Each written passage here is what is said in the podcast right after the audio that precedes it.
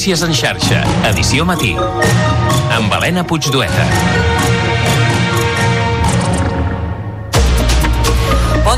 Pedro Sánchez salva in extremis l'aprovació de dos decrets al Congrés gràcies a la decisió de Junts de no participar de les votacions.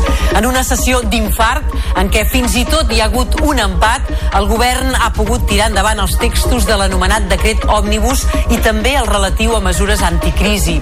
Això regularà, entre altres qüestions, la rebaixa de l'IVA en productes bàsics, les ajudes al transport públic i a la factura de la llum, així com qüestions relacionades amb la justícia. Per contra, el vot contrari de Podem ha tombat el decret de reforma del subsidi d'atur. Un ple que també ha servit per rebutjar les esmenes a la totalitat presentades pel PP i per Vox contra la tramitació de la llei d'amnistia. Així encapçalem el Notícies en xarxa d'aquest dijous 11 de gener, tot i que al punt de les 7 del matí repassem més titulars que ens deixa la jornada. El govern espanyol i la Generalitat constituiran dijous vinent la comissió pel futur de l'aeroport del Prat i s'emplacen al febrer per engegar el traspàs integral de Rodalies. És el calendari tancat per la consellera de Territori Esther Capella i pel ministre de Transports Òscar Puente en qüestions claus de l'acord d'investidura. Comença a treballar el grup d'experts en educació designat per la Generalitat per intentar revertir els mals resultats de l'informe PISA. En la primera reunió s'han compromès a fixar algunes mesures d'aplicació al curs vinent per acabar millorant aspectes com la comprensió lectora i els coneixements de ciències i matemàtiques. Grífols convoca avui una conferència amb els inversors per rebatre les acusacions d'un fons especulador d'haver falsejat els seus comptes. La farmacèutica catalana, que ha recuperat part de la confiança al mercat amb una pujada del 12% a la borsa, ha anunciat accions legals contra Gotham City Research. Dels esports destaquem que el Barça busca aquest vespre davant l'Ossassuna la classificació per a la final de la Supercopa. Pedri, que va fer el darrer entrenament amb el grup, podria estar disponible, mentre que Cancelo està pràcticament descartat. A la final ja espera el Real Madrid després d'haver eliminat l'Atlètic de Madrid amb un triomf a la pròrroga per 5 a 3. I en cultura demà arrenca la 37a edició del Tradicionarius. El Festival Folk Internacional ha programat fins al 22 de març més d'una cinquantena d'activitats al voltant de la música d'arrel catalana i europea. El certamen reivindicarà la feina del centre artesà en l'escena cultural de les darreres tres dècades. Passen 3 minuts ara mateix de les 7 del matí. Volem saber com se circula a aquesta hora per la xarxa viària catalana. Ho fem com cada dia connectant aquesta hora amb el RAC i amb la informació que ens aporta l'Àlex Huguet. Àlex, molt bon dia. Molt bon dia, nou matí amb problemes a la B23, avui per un accident en sentit nord arribant a Molins de Rei des del Papiol, per tant ja hi ha 3 quilòmetres de congestió en aquell tram i es talla un carril, un altre accident a l'AP7 a Barberà del Vallès en sentit sud, també amb un carril tallat i de moment poques aturades. I a la demarcació de Girona destaquem també l'avaria d'un vehicle a la C25 al tram de Fulgaroles en sentit nord que també provoca un tram curt de retencions. Ja la resta de la xarxa viària destaquem l'AP7 entre Sant Cugat i el Papiol, més plena arran de l'accident a la B23 i comencen a omplir-se els accessos a Barcelona o les rondes en sentit Llobregat des de Santa Coloma a la B20 i des de Sant Adrià i al Fòrum a la Litoral. És tot des del RAC. Bon dia. Completem la plana de serveis amb la previsió del temps que ens acosta en Lluís Miquel Pérez. Bon dia, Lluís Miquel. Bon dia, molts núvols encara per aquest dijous i de fet una bona mostra són els que tenim a hores d'ara. De fet, gran part del matí s'hi aniran produint algunes pluges o plogims febles, especialment cap a les comarques de Barcelona, la Catalunya central o cap al Pirineu. Plogims o nevades. La cota força baixa, al voltant dels 500 metres, però estarem parlant de nevades anecdòtiques. Aquest matí també amb molta boira cap a les comarques del centre i nord de Lleida i un ambient força fred. Aquesta tarda no variarà gaire la temperatura, una altra jornada de força hivern i aquesta tarda amb els núvols més gruixuts al Pirineu, Girona i Barcelona amb alguns plogims o cota de neu al voltant dels 800 metres. Anirà bufant la tramuntana i també el mestral. Us seguirem a la xarxa. Notícies en xarxa, edició matí. 7 i 5, finalment i contra tot pronòstic, Pedro Sánchez ha salvat l'aprovació dels decrets anticrisi i òmnibus al Congrés. Junts per Catalunya, que havia anunciat el seu vot contrari, a l'últim moment ha decidit no participar en cap de les votacions i això ha permès tirar endavant dos dels tres textos que el govern duia a votació. Això activa mesures relatives al servei públic de justícia, al règim local i a la funció pública, entre d'altres. I en l'àmbit social, l'impost a l'energia i als aliments i ajudes al transport públic. La formació de Carles Puigdemont ha justificat el canvi in extremis per un acord amb el PSOE per delegar a la Generalitat les competències d'immigració, la publicació de les balances fiscals i que l'oli passi a ser aliment essencial amb un IVA del 0%. Un gir de darrera hora que ha arribat després d'hores de dures negociacions i tensió entre totes dues formacions. Així l'escenificaven abans de la votació el ministre de la presidència, Félix Bolaños, i la portaveu de Junts al Congrés, Míriam Nogueres. Su elección de hoy es muy sencilla. Su voto de hoy determina cuál es el precio de los alimentos mañana. Pulsar hoy el botón del sí o el botón del no no solo se va a reflejar en el diario de sesiones, también se va a reflejar en la factura de la luz. Som aquí per canviar la relació entre Catalunya i Espanya, no per perpetuar-la. I vostès saben perfectament que els nostres vots estan al servei dels ciutadans de Catalunya i al servei del progrés del nostre país. No estan ni al seu servei ni al servei del reino. L'omissió de Junts no ha estat suficient, per contra, perquè tirés endavant el decret relatiu als subsidis d'atur. Podem ja ha votat en contra per considerar que es retalla la cotització dels majors de 52 anys que cobren la prestació. Tot plegat entre les crides a la responsabilitat del govern espanyol. Escoltem la líder de Sumar i ministra de Treball, Yolanda Díaz, i a la diputada de Podem, Noemí Santana. Con su voto, hoy deciden algo tan crucial para la vida de las personas como determinar lo que sigue. Ustedes hoy van a decidir si quien percibe un subsidio por desempleo percibe 480 euros o 570 euros al mes, casi 100 euros más al mes. Señores del Gobierno, desde Podemos estamos deseando votar a favor de este decreto. Lo único que les pedimos es que escuchen que negocien y que tengamos su compromiso por escrito de que este recorte se va a retirar del decreto. Mentrestant, la llei d'amnistia continua el seu tràmit parlamentari després que la majoria de la investidura hagi tombat les dues esmenes a la totalitat presentades pel PP i per Vox. Els populars han defensat la seva proposta de suspendre partits polítics per la via judicial per atemptar contra la Constitució. La portaveu del PP, Cuca Gamarra, rebia rèpliques com la del diputat d'Esquerra Republicana, Gabriel Rufián. Es necesaria, por tanto, la protección del orden constitucional, algo que la propia Constitución, en el artículo 22, establece. Prevé que las asociaciones que persigan fines o utilicen medios tipificados como delito son ilegales. Es decir, el Código Penal, como ustedes bien conocen o debieran de conocer, desde hace años desarrolla además esta previsión constitucional. Por cierto, señorías, ustedes dicen que, que hay que ilegalizar un referéndum que hay que legalizar los referéndums, ¿sí o no? ¿Sí? ¿Es correcto? ¿Sí? Pero no eran ilegales ya. No, eran ilegales.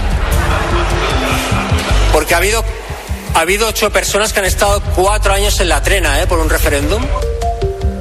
Una qüestió més encara sobre la negociació política entre executius. La consellera de Territori Esther Capella i el ministre de Transports Òscar Puente han acordat posar en marxa el proper 18 de gener la comissió tècnica que ha de tractar el futur de l'aeroport del Prat. L'objectiu és buscar el màxim consens polític i social per la modernització de la infraestructura. Totes dues parts han decidit també que a principis de febrer es constitueixi la comissió política pel traspàs de Rodalies a la Generalitat. Jo diria que avancem molt bé i anem bé i per tant eh, deixi'm que digui que ha estat una reunió molt profitosa. Es crearan aquelles comissions executives i de les que se'n derivaran els oportuns grups de treball que són necessaris per poder fer efectiu el traspàs i que mm, han de pivotar, eh, tal com diu el propi acord de traspàs, sobre la prestació dels serveis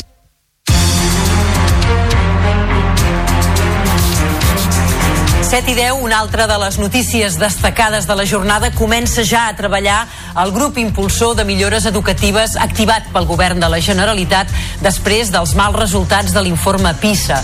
Els 18 experts s'han reunit per primera vegada amb l'objectiu de buscar mesures curriculars viables i de consens perquè tinguin continuïtat.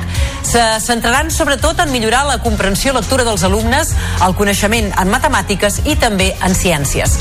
El coordinador del grup, Jesús Vinyes, ha destacat que s'han fixat terminis curts de treball perquè algunes propostes es puguin aplicar ja a partir del curs vinent.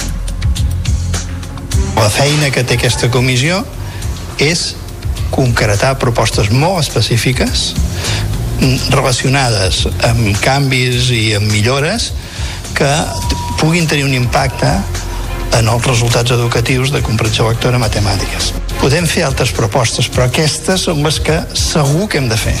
Prioritzar propostes i que hagin de ser viables. Tenim un termini curt, ens l'hem posat pràcticament perquè el que sí que és important és aplicar mesures ja. Encara en l'àmbit educatiu hem conegut que la segregació escolar s'ha reduït del 20% al sistema català però el descens és encara més intens a l'àmbit local. La segregació ha baixat del 35% si el marc geogràfic analitzat és el municipi. És una de les principals conclusions de la vuitena reunió de la Comissió de Seguiment del Pacte contra la Segregació Escolar. La síndica de Greuges, Esther Jiménez Salinas, que ha destacat la necessitat de recuperar el paper d'ascensor social de l'escola, i la consellera d'Educació, Anna Simó, ha incidit en la feina compartida amb els municipis per fer front a la segregació escolar. La tasca dels plans educatius d'entorn, la importància que els ajuntaments, el món local dona als plans educatius d'entorn també, de manera que hem arribat ja a 155 plans educatius d'entorn dotats en un total de 136 municipis, amb 58 professionals que els dinamitzen i els colideren, orientadors en el marc del Servei d'Orientació d'Àmbit eh, Comunitari i d'altres que fan tasques de prevenció de l'absentisme.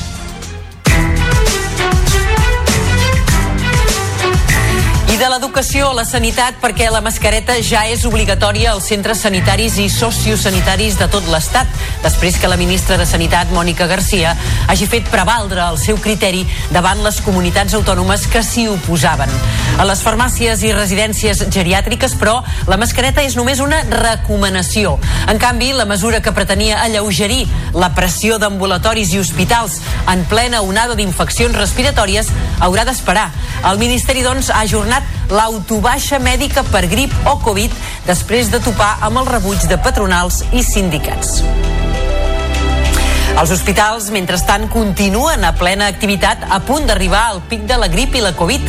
Diversos centres han hagut d'ajornar operacions que requerien ingrés hospitalari per tal de tenir llits lliures per a persones malaltes per aquests virus respiratoris. Un d'ells és l'Hospital de Sant Camil, a Sant Pere de Ribes. Hi ha anat un equip de Canal Blau.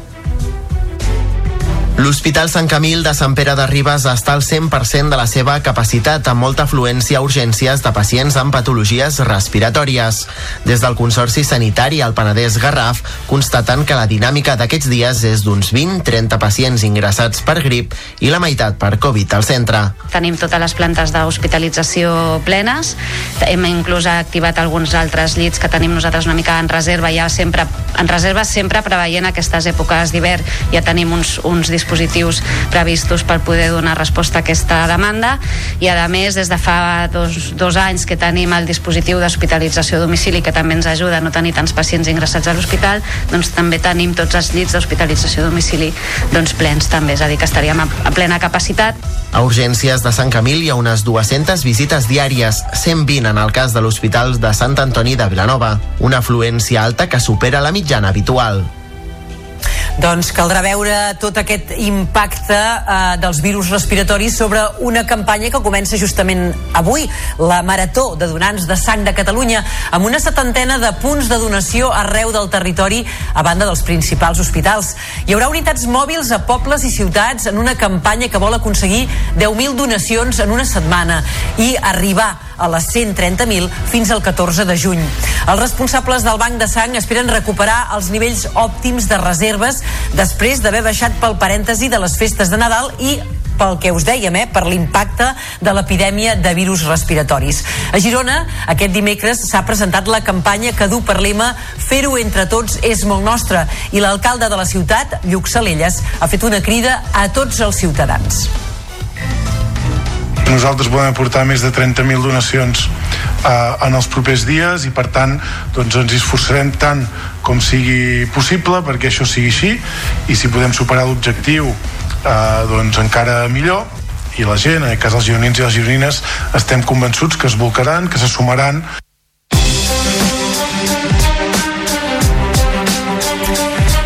Grifols ha anunciat que emprendrà accions legals contra el fons especulador Gotham City Research.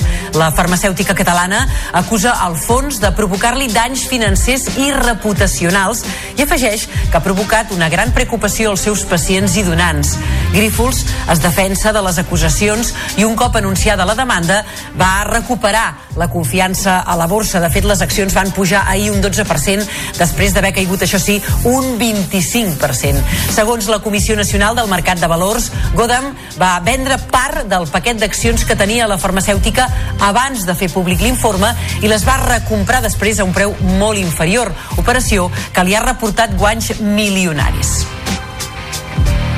Ahir mateix ens fèiem ressò de la crítica de la Cambra de Comerç pels elevats preus del lloguer. Doncs bé, els alts preus per accedir a un habitatge han provocat un creixement de les reformes immobiliàries. I és que els nous propietaris es decanten més per comprar pisos que necessiten una reforma, ja sigui menor o d'obres de rehabilitació importants. Ens ho expliquen des de Canal Reus. Fa temps que el mercat immobiliari es troba en una roda contínua, però aquesta situació s'ha agreujat en els últims anys. El fet que els lloguers no deixin de créixer arreu del país i que els habitatges d'obra nova tinguin preus tan elevats que no tothom pot assumir ha propiciat que cada vegada siguin més les persones que opten per la rehabilitació. Jo crec que és fruit de que per un cantó, doncs segons quina família, millor pensa doncs si compro una, un habitatge encara que, que estigui per reforma bastant completa, però d'entrada em sortirà més barat i pot ser una fórmula eh, per acabar tenint, reformant-lo, doncs tenir habitatge digne, però també crec que és el fet aquest de que, com que els preus del lloguer estan pujant de manera prou important en els últims temps, doncs també hi ha petits inversors que es compren algun pis o alguna petita caseta de dos, tres, quatre pisos i el reformen per posar-lo al lloguer. De fet, aquesta tendència pot continuar augmentant aquest 2024. La rehabilitació és un àmbit més sostenible econòmicament i també amb menys temps d'execució. A més, les persones que opten per aquesta opció compten amb diverses ajudes, tant per part de l'Ajuntament de Reus com també dels fons Next Generation. Doncs parlant de vivendes, el govern exigeix revisar el projecte de la urbanització de la Font de la Salut de Begú, on es preveuen 32 habitatges. Les organitzacions ecologistes SOS Costa Brava i Salvem Begú van presentar al·legacions i ara esperen que amb l'avaluació ambiental se'ls doni la raó finalment i no es tiri endavant el projecte d'urbanització. Aquestes organitzacions adverteixen del gran impacte mediambiental que suposaria la urbanització.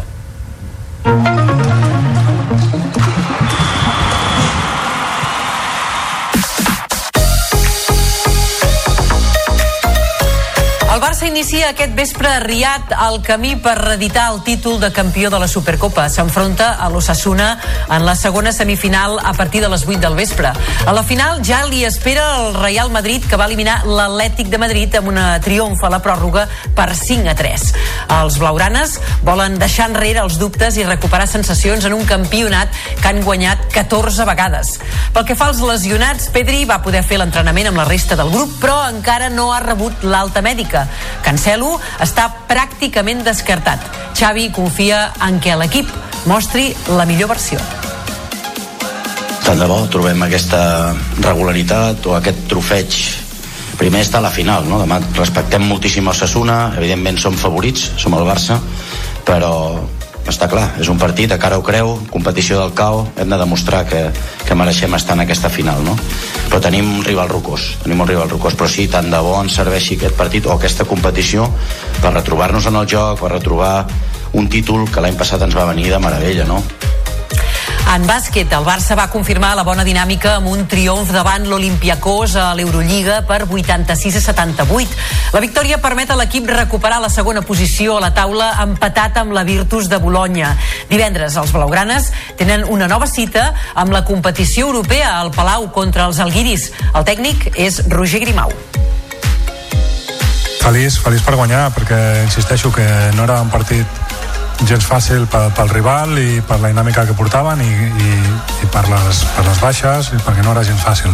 Quan hem tingut els tirs doncs, per eh, sols, que potser altres dies no entraven, han tingut la capacitat de ficar-los.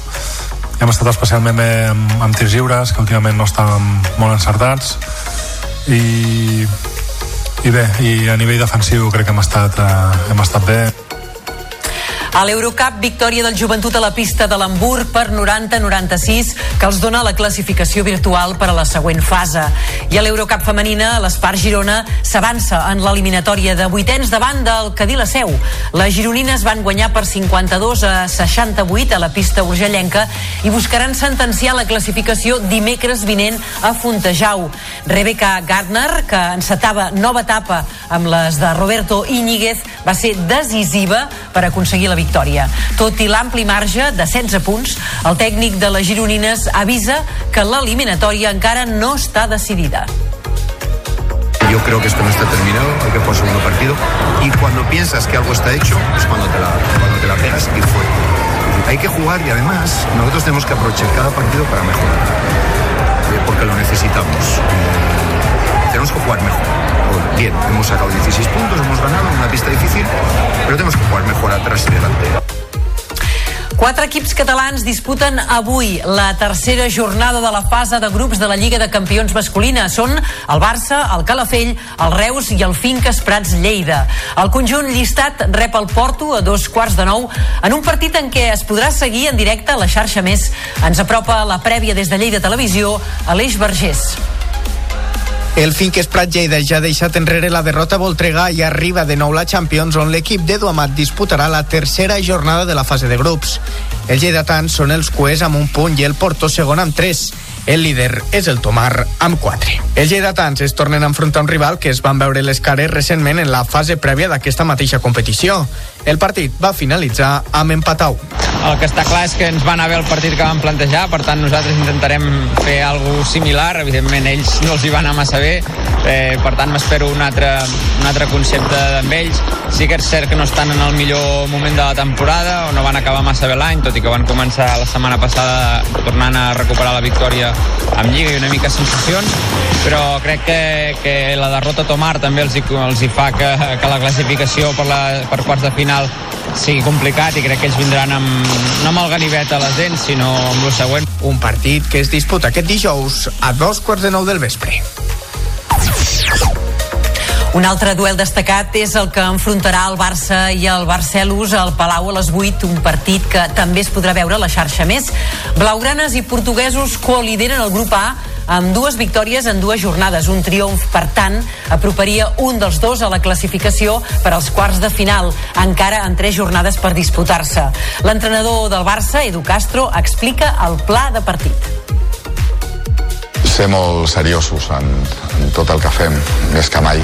Eh, és ten, tenir copsat molt el ritme del partit, saber on el voldran portar ells i on el volem portar nosaltres, eh, saber jugar cada moment del partit, en un partit que segurament tindrà diferents cares eh, i sobretot entrar molt bé al partit eh, amb l'escenari que nosaltres volem el Reus Deportiu, per la seva banda, visita el Benfica portuguès. Després de perdre els dos primers partits, els de Jordi Garcia estan obligats a puntuar si no volen quedar-se sense opcions de jugar als quarts de final. És una informació de, des de Canal Reus Televisió de Joel Gomis. Pràcticament una final. Així és com es planteja el Benfica Reus d'aquest dijous a la Champions. Després de perdre contra l'Sporting i el Calafell, els de Jordi Garcia arriben a la cita amb el repte majúscul de sumar davant dels lisboetes. En el record i com a exemple a seguir, hi ha la sonada victòria que els ganxets van aconseguir la temporada passada a la pista de l'Sporting. Per la seva banda, el Benfica es planta el partit després de guanyar el Calafell en la jornada inaugural i amb l'enfrontament pendent contra l'Sporting, partit que es jugarà la setmana vinent. Una victòria dels roig-i-negres igualaria el grup de la mort de la Champions. Un empat mantindria els ganxets amb opcions de jugar als quarts de final de la competició, mentre que una derrota deixaria els reusencs amb un peu i mig fora d'Europa. El Benfica Reus es jugarà a partir de les 9 de la nit hora catalana i serà arbitrat per Claudio Ferraro i Alfonso Rago.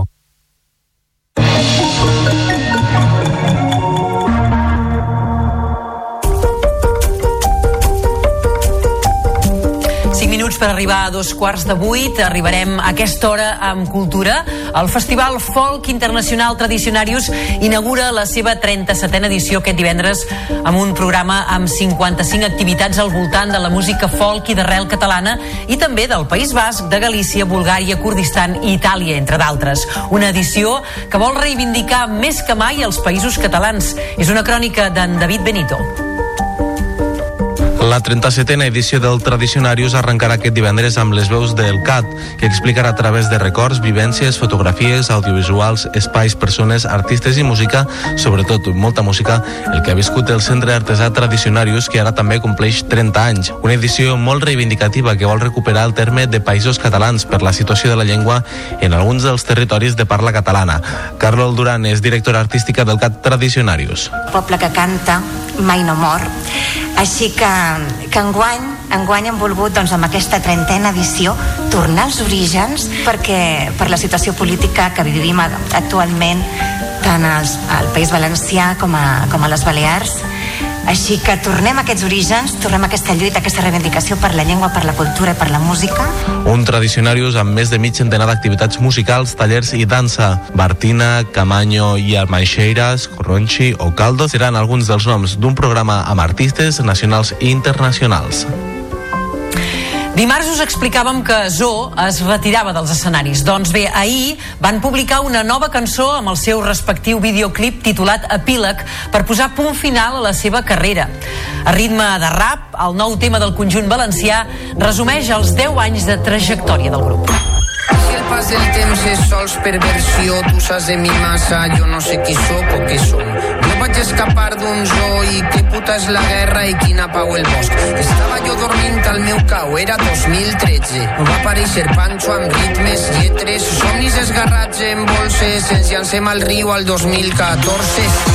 Que bonic sentir-se viu i gràcies a Da Sousa i l'amor dels meus. Benvingut Marcos, benvingut Arnau, tot això ara és nostre, tot això ara és teu. Va vindre Héctor ell, tan galant, tan distret, ja va fins el sostre la furgoneta. Molta més passió que excel·lència als concerts, moltes samarretes a la meua jeta.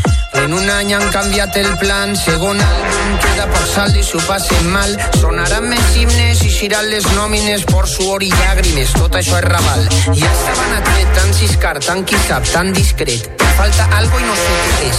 Toquen a la porta i alegria. Era pollet, com venia. Com elefant en catxarreria i la màquina engrassada, les factures pagades, s'allarguen les recerques, no guanyem pa en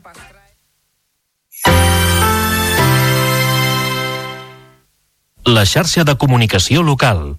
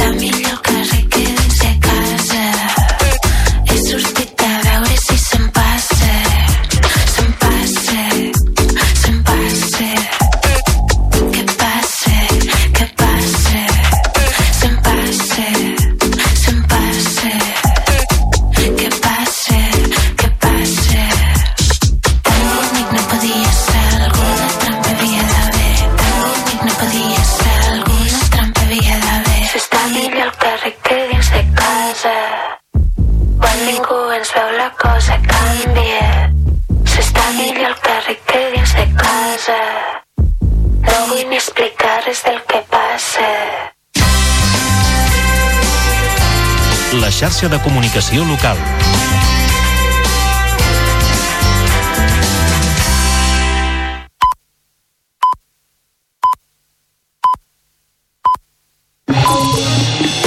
Notícies en xarxa, edició matí. Amb Helena Puigdueta. Bon dia. Pedro Sánchez salva in extremis l'aprovació de dos decrets al Congrés gràcies a la decisió de Junts de no participar de les votacions.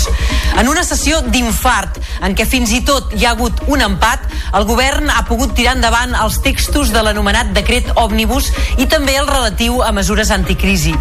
Això regularà, entre altres qüestions, la rebaixa de l'IBI eh, l'IVA en productes bàsics, volíem dir, les ajudes al transport públic i a la factura de la llum, així com qüestions relacionades amb la justícia. Per contra, el vot contrari de Podem ha tombat el decret de reforma del subsidi d'atur. Un ple que també ha servit per rebutjar les esmenes a la totalitat presentades pel PP i Vox contra la tramitació de la llei d'amnistia. Així, encapçalem el Notícies en xarxa d'aquest dijous 11 de gener, tot i que al punt de dos quarts de vuit del matí repassem altres titulars. El govern espanyol i la Generalitat constituiran dijous vinent la comissió pel futur de l'aeroport del Prat i s'emplacen al febrer per engegar el traspàs integral de Rodalies.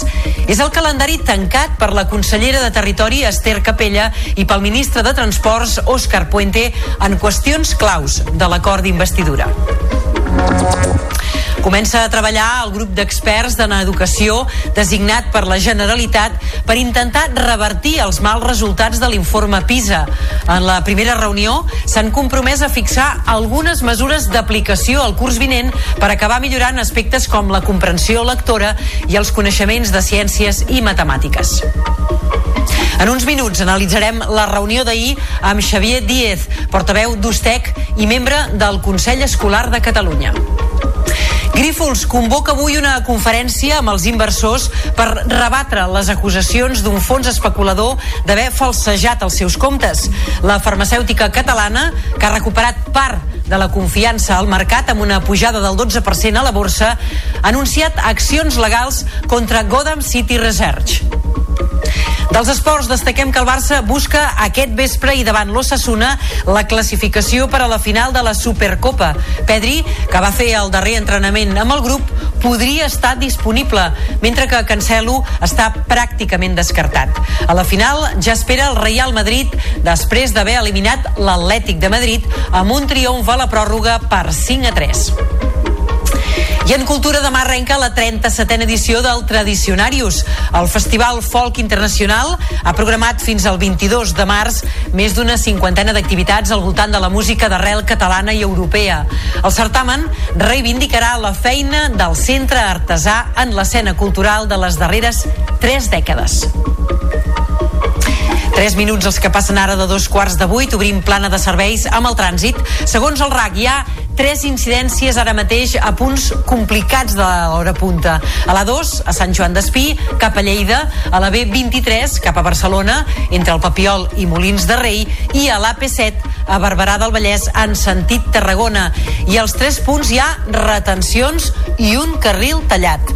També s'ha variat un vehicle a la C25 a Folgueroles en sentit nord. I als llocs habituals hi ha problemes a la C58, que va força plena en tots dos sentits de la marxa, des de Montcada i Reixac. També hi ha problemes a la C32, des de Gavà fins a Sant Boi en sentit Barcelona i a les rondes en sentit sud. Pel que fa al temps, tot i que serà en general poca aigua, s'esperen encara plogims a comarques de Barcelona, de Girona i també a la Catalunya central. El cel estarà ennuvolat i continuarà el fred d'hivern. Notícies en xarxa, edició matí. Passen dos minuts de dos quarts de vuit del matí, us ho dèiem suar en titulars. Finalment, i contra tot pronòstic, Pedro Sánchez ha salvat l'aprovació dels decrets anticrisi i òmnibus al Congrés. Junts per Catalunya, que havia anunciat el seu vot contrari, a l'últim moment ha decidit no participar en cap de les votacions i això ha permès tirar endavant dos dels tres textos que el govern duia a votació. Això activa mesures relatives al Servei Públic de Justícia, règim local i funció pública, entre d'altres. I en l'àmbit social, l'impost a l'energia i als aliments i ajudes també al transport públic. La formació de Carles Puigdemont ha justificat el canvi in extremis per un acord amb el PSOE per delegar a la Generalitat les competències d'immigració, la publicació de les balances fiscals i que l'oli passi a ser aliment essencial amb un IVA del 0%. Un gir que ha estat d'última hora i que ha arribat després, això sí, d'hores de dures negociacions i tensió entre totes dues formacions. Així l'escenificaven, abans de la votació, el ministre de la Presidència, Félix Bolaños, i la portaveu de Junts al Congrés, Míriam Nogueres. Su elección de hoy es muy sencilla. Su voto de hoy determina cuál es el precio de los alimentos mañana. Pulsar hoy el botón del sí o el botón del no no solo se va a reflejar en el diario de sesiones, también se va a reflejar en la factura de la luz. Som aquí per canviar la relació entre Catalunya i Espanya, no per perpetuar-la. I vostès saben perfectament que els nostres vots estan al servei dels ciutadans de Catalunya i al servei del progrés del nostre país. No estan ni al seu servei ni al servei del reino. L'omissió de Junts no ha estat suficient per contra perquè tirés endavant el decret relatiu als subsidis d'atur. Podem hi ha votat en contra per considerar que es retalla la cotització dels majors de 52 anys que cobren la prestació. Tot plegat, entre les crides a la responsabilitat del govern espanyol. Escoltem la líder de Sumar i ministra de Treball, Yolanda Díaz, i la diputada de Podem, Noemí Santana. Con su voto, hoy deciden algo tan crucial para la vida de las personas como determinar lo que sigue. Ustedes hoy van a decidir si quien percibe un subsidio por desempleo percibe 480 euros o 570 euros al mes, casi 100 euros más al mes. Señores del Gobierno, desde Podemos estamos deseando votar a favor de este decreto. Lo único que les pedimos es que escuchen, que negocien y que tengamos su compromiso por escrito de que este recorte se va a retirar del decreto. Mentrestant, la llei d'amnistia continua el seu tràmit parlamentari després que la majoria de la investidura hagi tombat les dues esmenes a la totalitat presentades pel PP i per Vox. Els populars han defensat la seva proposta de suspendre partits polítics per a la via judicial per atemptar contra la Constitució. La portaveu del PP, Cuca Gamarra, rebia rèpliques com la del diputat d'Esquerra Republicana, Gabriel Rufián. Es necesaria, por tanto, la protección del orden constitucional, algo que la propia Constitución, en el artículo 22, establece. Prevé que las asociaciones que persigan fines o utilicen medios tipificados como delito son ilegales. Es decir, el Código Penal, como ustedes bien conocen o debieran de conocer, desde hace años desarrolla además esta previsión constitucional. Por cierto, señorías, ustedes dicen que, que hay que ilegalizar un referéndum que hay que legalizar los referéndums, ¿sí o no? ¿Sí? ¿Es correcto? ¿Sí? Pero no eran ilegales ya. No, eran ilegales. Porque ha habido, ha habido ocho personas que han estado cuatro años en la trena ¿eh? por un referéndum. I encara una qüestió més sobre la negociació política entre executius. La consellera de Territori Esther Capella i el ministre de Transports Òscar Puente han acordat posar en marxa el proper 18 de gener la comissió tècnica que ha de tractar el futur de l'aeroport del Prat. L'objectiu és buscar el màxim consens polític i social per la modernització de la infraestructura. Totes dues parts han decidit també que a principis de febrer es constitueixi la comissió política pel traspàs de Rodalies a la Generalitat. Jo diria que avancem molt bé i anem bé i per tant eh, deixi'm que digui que ha estat una reunió molt profitosa. Es crearan aquelles comissions executives i de les que se'n derivaran els oportuns grups de treball que són necessaris per poder fer efectiu el traspàs i que mm, han de pivotar, eh, tal com diu el propi acord de traspàs, sobre la prestació dels serveis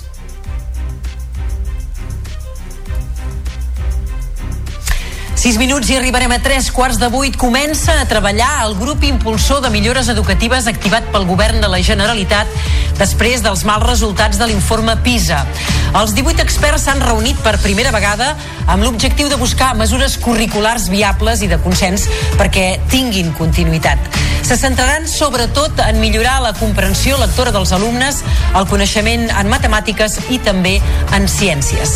Doncs d'aquest equip de treball i dels reptes que tenen justament a curt i llarg termini en volem parlar ara mateix amb Xavier Díez. Ell és expert en educació, és doctor en història per la Universitat de Girona, però també és portaveu d'USTEC i és membre del Consell Escolar de Catalunya. Senyor Díez, bon dia i gràcies per atendre'ns. Hola, bon dia. Eh, no sóc portaveu d'Ustec, és la Yolanda, eh? però sí que... És membre d'Ustec, en tot cas. Sí, sí correcte. D'acord, doncs disculpi l'error. Uh, bon dia, doncs deia, gràcies per atendre'ns. El grup de 18 experts de la Generalitat que ha d'impulsar mesures per millorar els resultats de PISA, ho dèiem ara, ja ha començat a caminar, calia des del seu punt de vista crear una comissió de treball? És el millor mètode, la millor fórmula? No, no és necessari perquè, entre altres coses, eh, jo crec que la iniciativa del departament eh, ha, ha estat una cortina de fum perquè el departament té totes les dades disponibles a través del Consell Superior d'Avaluació del Sistema Educatiu, que té les dades de tots els alumnes, de tots els centres educatius des dels anys 90, amb la seva evolució, i per tant doncs, pot comprovar si algunes de les iniciatives que han pres eh, algunes escoles en particular doncs, són les idònies o no són les idònies. Jo crec que, eh, diguem, el daltabaix al PISA té a veure amb una singularitat catalana que no té res a veure amb les altres comunitats autònomes, per això ha davallat tant, que, eh, diguem, com ells volen, com, que, com ells defineixen, s'ha tractat d'una eh, innovació pedagògica disruptiva i efectivament han transformat el sistema educatiu en una cosa molt diferent. Uh, senyor Díez, per què costa tant fer un diagnòstic sobre els problemes del nostre sistema escolar o el que costa no és tant el diagnòstic com fer-lo públic? Jo crec que no costa, eh, no costa en absolut fer un, una diagnosi. El que els hi costa és reconèixer els errors que han estat cometent eh, diguem, a diverses administracions des de fa uns 10 anys i sobretot a partir del 2016 quan entra eh, la iniciativa de l'Escola Nova 21, que bàsicament el que acaba generant és un caos pedagògic, especialment a, a, a l'ensenyament primari, i que després s'arrossega a l'ensenyament secundari, que explicaria, per exemple, doncs, una pèrdua d'habilitats bàsiques de lectoescriptura i de càlcul i que després s'arrossega posteriorment a la resta del, de, del sistema educatiu. Parlava vostè, senyor Díez, de la singularitat catalana, parlava dels de errors que s'han comès des de fa molts anys. Aquest canvi de metodologia al que vostè feia referència ara, eh, l'abandonament potser de les, de les, dels mètodes dels sistemes d'ensenyament més tradicionals són el que ens han fet perdre pistonada en aquest informe PISA. Seria això el motiu de la gran reculada? Bé, eh, aquest és un dels factors, un dels factors principals, perquè vostè pensi que molts països han intentat també fer alguns, eh, alguns, alguns canvis metodològics. Eh, jo no parlaria tant de sistemes tradicionals com de sistemes convencionals o de pluralitat, Uh, el que passa és que molts països en veure els seus resultats han, han rectificat i després sí que hi ha una cosa que és absolutament singular que no passa en lloc d'Espanya que és la capacitat de les direccions de tria uh, del professorat, ha dit. Això que ha propiciat? Doncs que si abans en un claustre determinat es prenien determinades mesures que veien que no funcionaven, la gent s'expressava lliurement i tenies capacitat de rectificar. Eren tallafocs. A partir del moment en què el director tria dit i, i les persones que són discrepants respecte a la seva línia pedagògica doncs eh, prenen unes certes resistències, simplement no es renoven i per tant la gent calla i per tant qualsevol iniciativa pedagògica per per eh, diguem, absurda que sigui, tira endavant i, i sense capacitat de rèplica. I això explicaria, per exemple, que Catalunya hagi passat en només eh, 8 anys del lloc 7 de, pel que fa a, le, a, a lectoescriptura eh, de les comunitats autònomes al lloc 17 de 19 a diferència, per exemple, d'altres comunitats autònomes que tenen una composició sociodemogràfica equiparable a la catalana, com pot ser el País Valencià o, o com pot ser Illes, que sempre s'han mantingut estables entre el 8è i 9è lloc. Eh, tindria més preguntes a fer-li, però avui tampoc no puc estar de preguntar-li sobre la segregació escolar. Eh, hem llegit avui que s'ha reduït en els alumnes estrangers en un 20%, també eh, en el 40% en els alumnes amb necessitats especials, però segons la síndica, el seu informe, encara hi ha molt marge de millora i parlava com a deures pendents de fer encara, sobretot pel que fa a la situació de l'escola concertada i a les escoles gueto, que, si no ho tinc mal entès, estaven quantificades amb unes 250 encara a Catalunya. No sé si vostè eh, coincideix amb el diagnòstic de, de la síndica pel que fa a la segregació escolar a Catalunya. Bé, eh, Catalunya crec que està en el sisè o setè lloc de, si fos un país de, independent d'Europa, eh, doncs sisè o setè lloc de, de màxim nombre de segregació escolar. Millora, a veure, fer unes poques mesures, eh, òbviament, és millora una mica la posició, però el problema és el propi disseny del propi sistema educatiu, fonamentat en una doble xarxa, una, diguem, en el qual doncs, hi ha pagaments il·legals però que evidentment acaba segregant, és a dir, la, la xarxa concertada i l'altra la pública. I evidentment eh, també la, la, la, la, enllaçant amb el que dèiem, les noves metodologies el que han propiciat sobretot ha estat una competitivitat entre escoles i quan entres una dinàmica competitiva a buscar quina és l'escola més singular també s'acaba generant un, perversament eh, les conseqüències d'una major segregació escolar. És a dir, eh, no costa gaire millorar una mica, però sí que costa moltíssim eh, abordar el problema d'una manera global, que no s'està fent fins ara. Xavier Díez, expert en educació, membre del sindicat USTEC i també del Consell Escolar de Catalunya. Li agraïm moltíssim l'anàlisi d'aquest matí. Que vagi molt bé tot. A vostè, moltes gràcies. Notícies en xarxa. Informació al detall.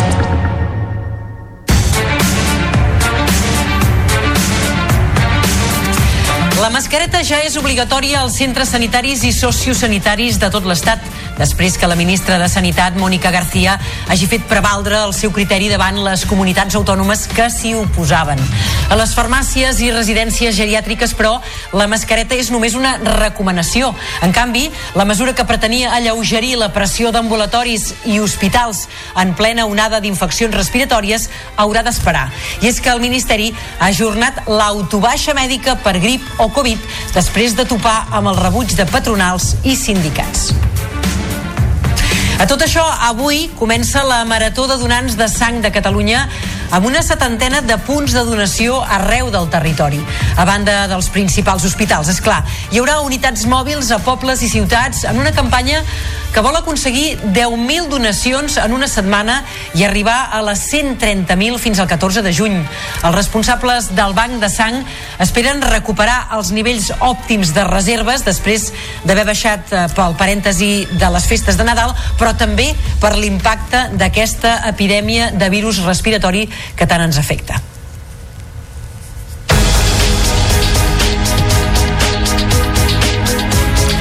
Grífols ha anunciat que emprendrà accions legals contra el fons especulador Gotham City Research.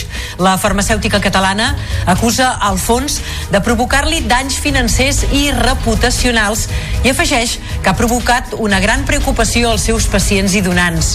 Grífols es defensa de les acusacions i un cop anunciada la demanda va recuperar ahir la confiança a la borsa. De fet, les accions van pujar un 12% després d'haver caigut, això sí, un 25%. Segons la Comissió Nacional del Mercat de Valors, Godem va vendre part del paquet d'accions que tenia la farmacèutica abans de fer públic l'informe i les va recomprar després a un preu molt inferior, operació que li ha reportat guanys milionaris. Les comunicacions en autocar entre Ripoll i Girona augmentaran de freqüència a partir de dilluns. La companyia Teissa, que gestiona el servei, oferirà quatre viatges més d'anada i de tornada entre setmana i dos més els caps de setmana en la línia que passa també per Sant Joan de les Abadesses i Olot. Ens ho explica la Paula Sayago des de la televisió del Ripollès. La companyia gironina d'autocars ha afegit quatre viatges d'anada i quatre més de tornada de dilluns a divendres feiners. A més, s'hi sumen dues més d'anada i de tornada de nova creació pels caps de setmana. Entre els objectius, reduir el temps de viatge entre aquests municipis i facilitar les connexions dels municipis amb la capital de la província. Bé, una de les voluntats del Departament de Territori és el que hem anat dient sempre, eh? millorar les connexions entre els diversos nuclis de població eh, a nivell de transport públic, per tant, doncs, d'afavorir doncs, la, el, el transport dels viatgers d'una forma segura, evitant doncs, el, els vehicles eh, privats i, per tant, contribuint a disminuir doncs, la contaminació doncs, a, en base de limitar doncs, l'emissió de, de, doncs, de gasos hivernacles doncs, a, a l'atmosfera. En aquesta línia, doncs, el que aposta el Departament és millorar les línies de transport públic. Amb la posada en marxa d'aquestes expedicions, el Ripollès aconsegueix fer realitat una reivindicació històrica, millorar la connexió amb Girona i el seu hospital, però també cobrir les necessitats dels treballadors i estudiants. Del Ripollès cap a Barcelona perquè l'Ajuntament de la capital catalana destinarà 250 jardiners exclusivament a regar a mà i amb aigua freàtica el 80% de les zones verdes que es reguen amb aigua potable.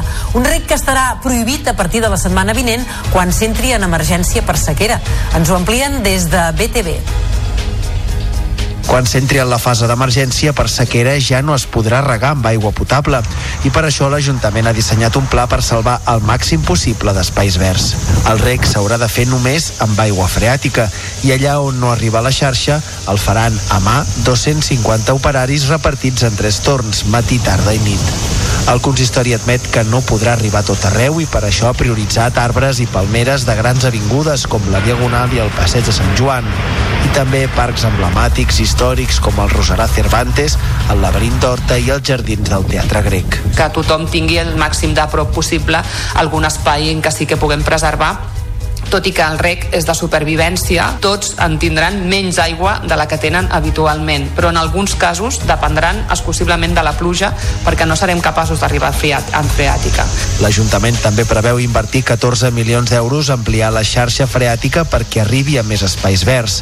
Per exemple, amb una de les accions es vol connectar el dipòsit de les Glòries amb l'eix verd de Consell de Cent per regar els arbres i parterres amb aigua subterrània.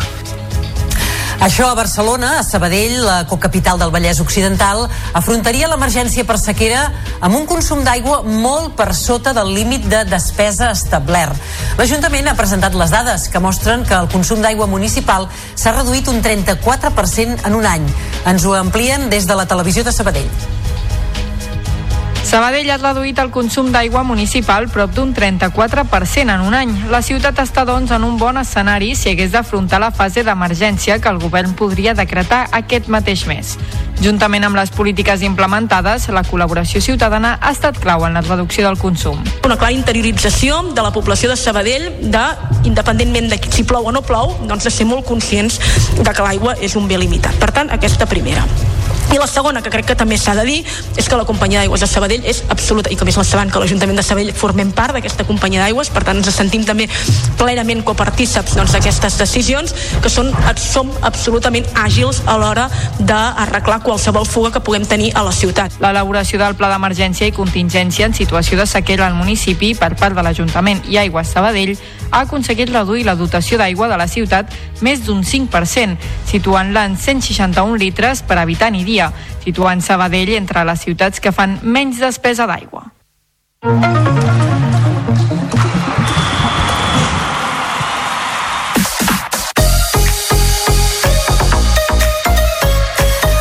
Inicia aquest vespre a Riad el camí per reeditar el títol de campió de la Supercopa.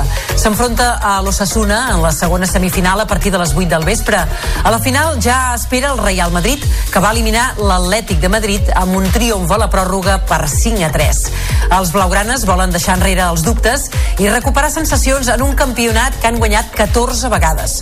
Pel que fa als lesionats, Pedri va poder fer l'entrenament amb la resta del grup, però encara no ha rebut l'alta mèdica. Cancelo està pràcticament descartat. Xavi confia en què l'equip mostri la millor versió. Tant de bo trobem aquesta regularitat o aquest trofeig primer està la final, no? Demà respectem moltíssim a Sassuna, evidentment som favorits, som el Barça, però està clar, és un partit a cara o creu, competició del CAO, hem de demostrar que, que mereixem estar en aquesta final, no?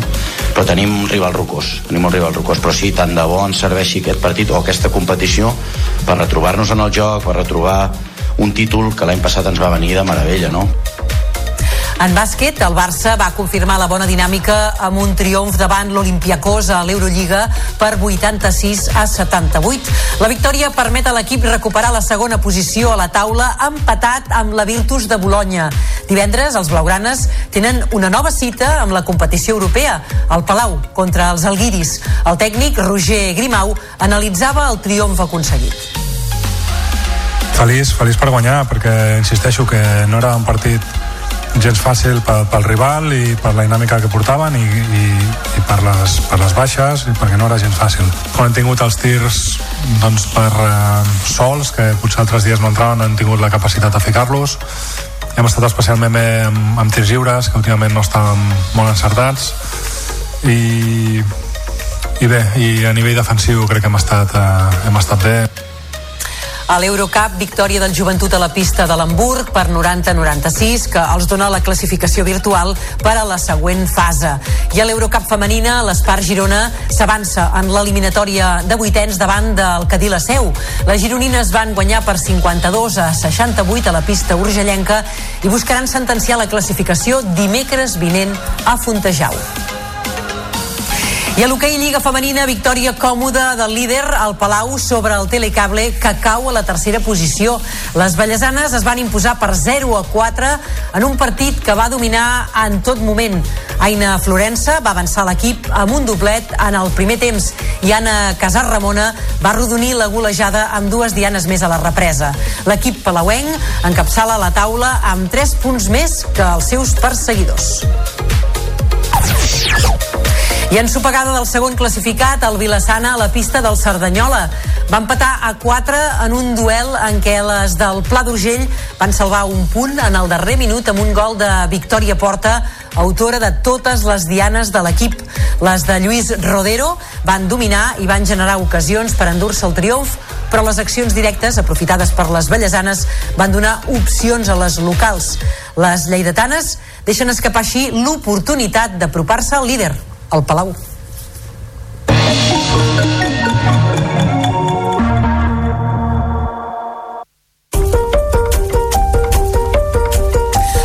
Minuts ens plantarem a les 8 del matí i ho farem parlant de cultura i en concret ara mateix del Festival Folk Internacional Tradicionarius que inaugura la seva 37a edició demà divendres amb un programa amb 55 activitats al voltant de la música folk i d'arrel catalana però també del País Basc, de Galícia, de Bulgària, de Kurdistan i d'Itàlia, entre d'altres. Una edició que vol reivindicar més que mai els països catalans. És una crònica que ens amplia ara mateix en David Benito. La 37a edició del Tradicionarius arrencarà aquest divendres amb les veus del CAT, que explicarà a través de records, vivències, fotografies, audiovisuals, espais, persones, artistes i música, sobretot molta música, el que ha viscut el Centre Artesà Tradicionarius, que ara també compleix 30 anys. Una edició molt reivindicativa que vol recuperar el terme de països catalans per la situació de la llengua en alguns dels territoris de parla catalana. Carlol Duran és directora artística del CAT Tradicionarius. poble que canta mai no mor així que, que enguany enguany hem volgut doncs, amb aquesta trentena edició tornar als orígens perquè per la situació política que vivim actualment tant als, al País Valencià com a, com a les Balears. Així que tornem a aquests orígens. Ronchi o Caldo seran alguns dels noms d'un programa amb artistes nacionals i inter amb més de mig centenar d'activitats musicals, tallers i Tarda va obrir la capella ardent pel director de cinema Ventura Pons, mort dimarts als 78 anys. Personalitats del món cultural i polític es van acostar fins al tanatori de les Corts, on avui, al migdia, s'hi farà el funeral.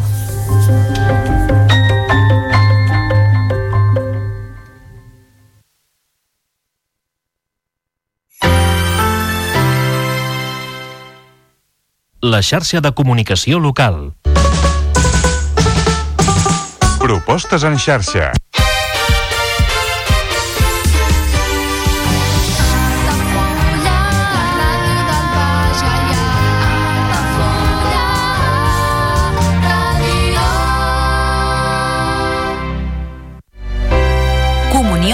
2024. Dates ja disponibles amb sales privades, jardí, pàrquing privat i la millor gastronomia. Més informació i reserves al 977 65 11 55 i a comercial arroba altafullamarotel.com o al web altafullamarotel.com. Les teves celebracions familiars a l'Altafulla Mar Hotel. Carrer Major, el programa de les emissores del Camp de Tarragona. Cada dia de 4 a 6 de la tarda, el que passa al Camp de Tarragona t'ho expliquem amb la major redacció d'un programa de territori quilòmetre zero. Periodisme de proximitat, continguts de qualitat, amb Anna Plaza i Toni Mateos. Carrer Major.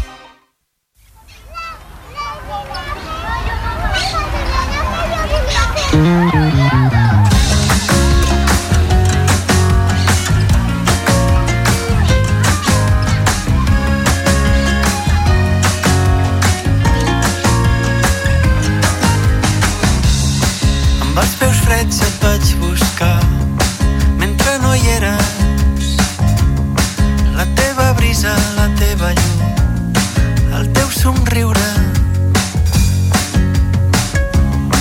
Les tardes de cels blaus passejant il·lusionats amb vestits de lli de seda. A poc a poc abraçarem la teva força incombustible ara que el temps s'ha desvestit edició matí. Amb Helena Puigdueta.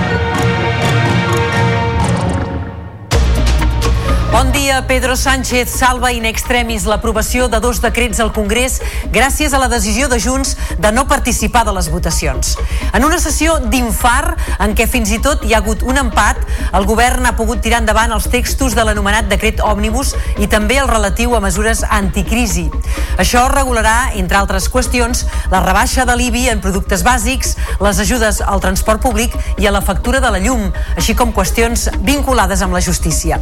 Per contra, el vot contrari de Podem ha tombat el decret de reforma del subsidi d'atur. Un ple que també ha servit per rebutjar les esmenes a la totalitat presentades pel PP i Vox contra la tramitació de la llei d'amnistia. Així encapçalem el Notícies en xarxa d'aquest dijous 11 de gener, tot i que al punt de les 8 del matí repassem altres titulars destacats.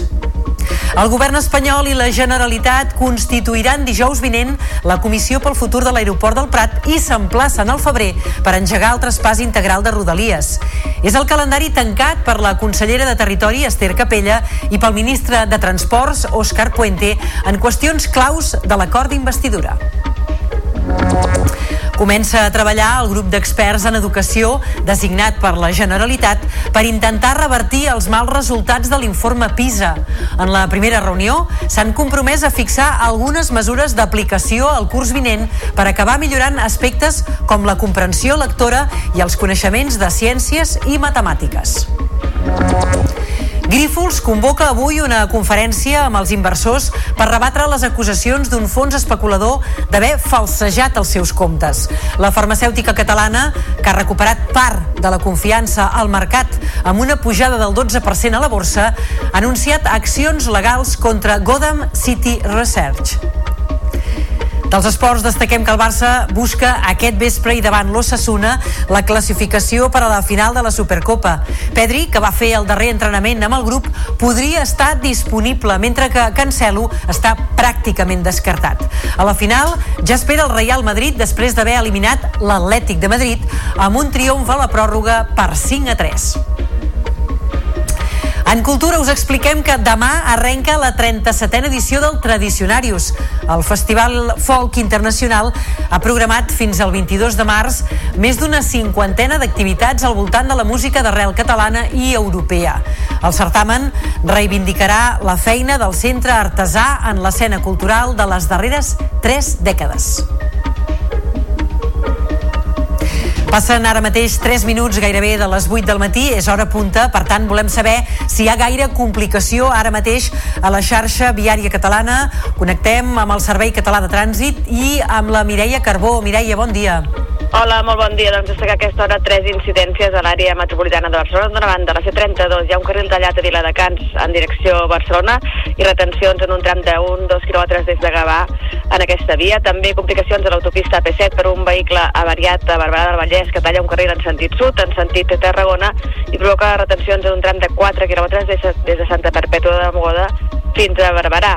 Per últim, comentar-vos que també hi ha un accident a l'autovia A2 de sortida a Sant Joan d'Espí, hi ha un carril tallat, com dèiem, en direcció a Martorell i aturades en un tram d'un quilòmetre a banda d'això, doncs hi ha les retencions habituals a les vies més properes a Barcelona, així com a les rondes de la capital catalana. De moment això és tot des del Servei Català de Trànsit. Molt bon dia.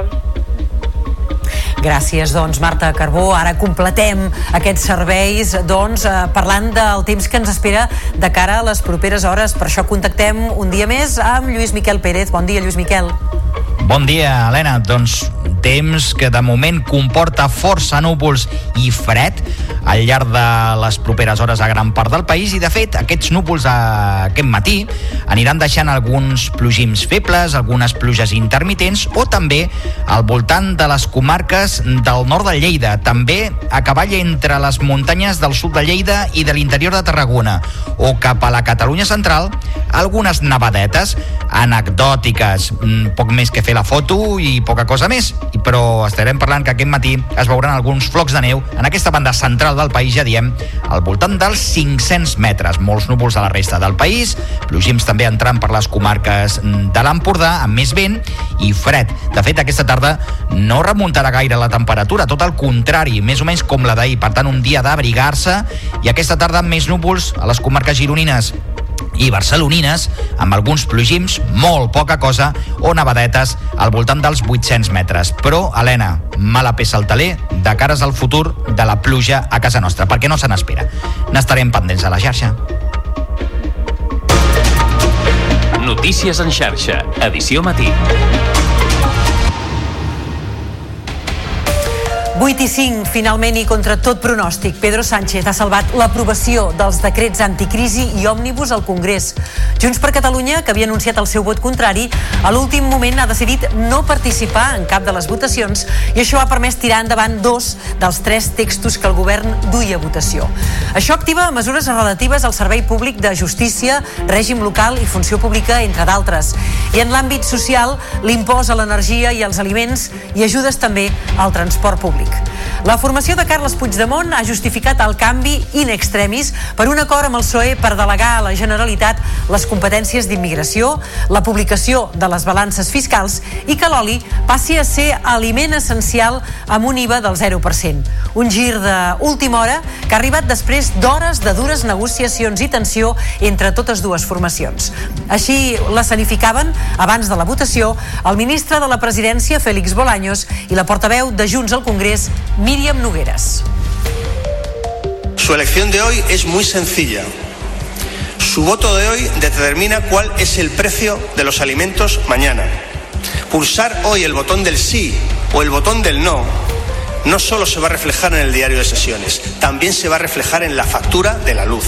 Som aquí per canviar la relació entre Catalunya i Espanya, no per perpetuar-la. I vostès saben perfectament que els nostres vots estan al servei dels ciutadans de Catalunya i al servei del progrés del nostre país. No estan ni al seu servei ni al servei del reino. L'omissió de Junts no ha estat suficient per contra perquè tirés endavant el decret relatiu als subsidis d'atur. Podem hi ha votat en contra per considerar que es retalla la cotització dels majors de 52 anys que cobren la prestació. Tot plegat entre les crides a la responsabilitat del govern espanyol. Escoltem la líder de Sumar i ministra de Treball, Yolanda Díaz, i la diputada de Podem, Noemí Santana.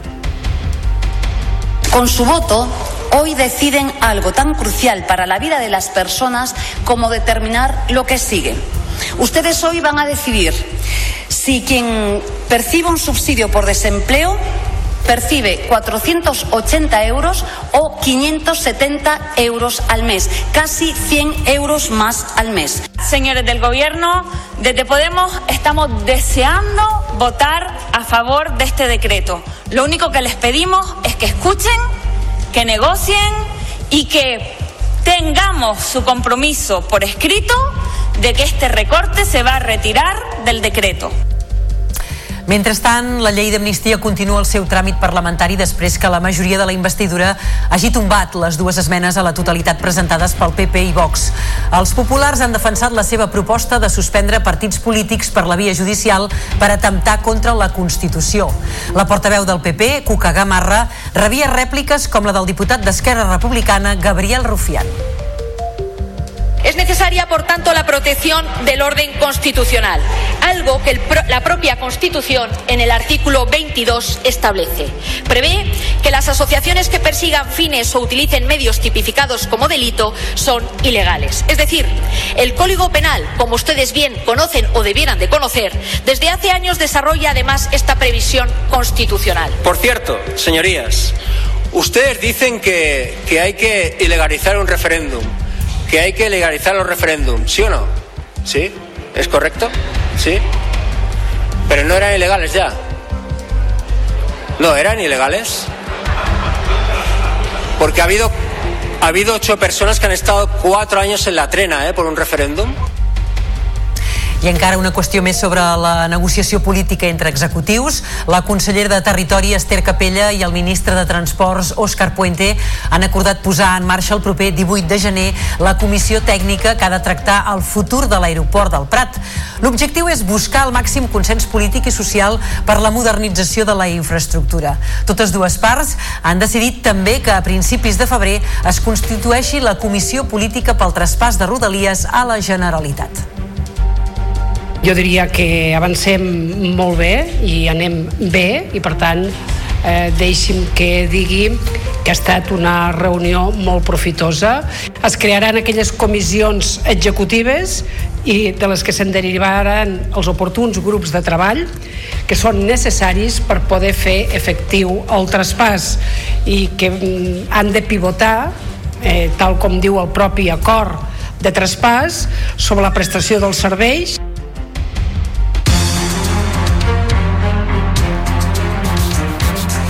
8 i 10 comença a treballar el grup impulsor de millores educatives activat pel govern de la Generalitat després dels mals resultats de l'informe PISA. Els 18 experts s'han reunit per primera vegada amb l'objectiu de buscar mesures curriculars viables i de consens també perquè tinguin continuïtat. Se centraran sobretot en millorar la comprensió lectora dels alumnes, el coneixement en matemàtiques i també en ciències. El coordinador del grup, Jesús Vinyes, ha destacat que s'han fixat terminis curts de treball perquè algunes propostes es puguin aplicar ja a partir del curs vinent.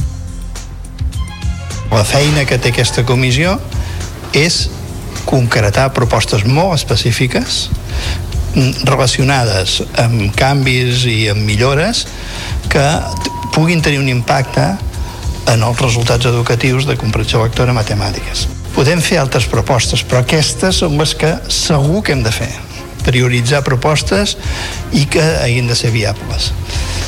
Tenim un termini curt, ens l'hem posat pràcticament perquè el que sí que és important és aplicar mesures ja. Doncs justament el sindicat de mestres i professors, Ustec Estès, considera una cortina de fum el que ha fet el govern de la Generalitat creant aquest grup d'experts i assenyala l'Escola Nova 21 com a un dels factors principals del fracàs de PISA. És el nou mètode pedagògic que es va implantar a les escoles de Catalunya fa aproximadament una dècada. Ho ha dit Xavier Díez, membre d'Ustec i del Consell Escolar de Catalunya fa uns minuts aquí, al Notícies en xarxa la iniciativa del departament eh, ha, ha estat una cortina de fum perquè el departament té totes les dades disponibles a través del Consell Superior d'Avaluació del Sistema Educatiu, que té les dades de tots els alumnes, de tots els centres educatius des dels anys 90, amb la seva evolució. No costa en absolut fer un, una diagnosi. El que els hi costa és reconèixer els errors que han estat cometent, eh, diguem, diverses administracions des de fa uns 10 anys, i sobretot a partir del 2016, quan entra eh, la iniciativa de l'Escola Nova 21, que bàsicament el que acaba generant és un caos pedagògic, especialment a, a, a l'ensenyament primari, que després s'arrossega a l'ensenyament secundari. Encara de l'àmbit educatiu, explicar-vos també que hem conegut que la segregació escolar s'ha reduït del 20% al sistema català, però el descens és encara més intens a l'àmbit local. La segregació ha baixat del 35% si el marc geogràfic analitzat és el municipi. És una de les principals conclusions de la vuitena reunió de la Comissió de Seguiment del Pacte contra la Segregació Escolar. La síndica de Greuges, Esther Jiménez Salinas, que ha destacat la necessitat de recuperar el paper d'ascensor social de l'escola i la consellera d'Educació, Anna Simó, ha incidit en la feina compartida amb els municipis per fer front a la segregació escolar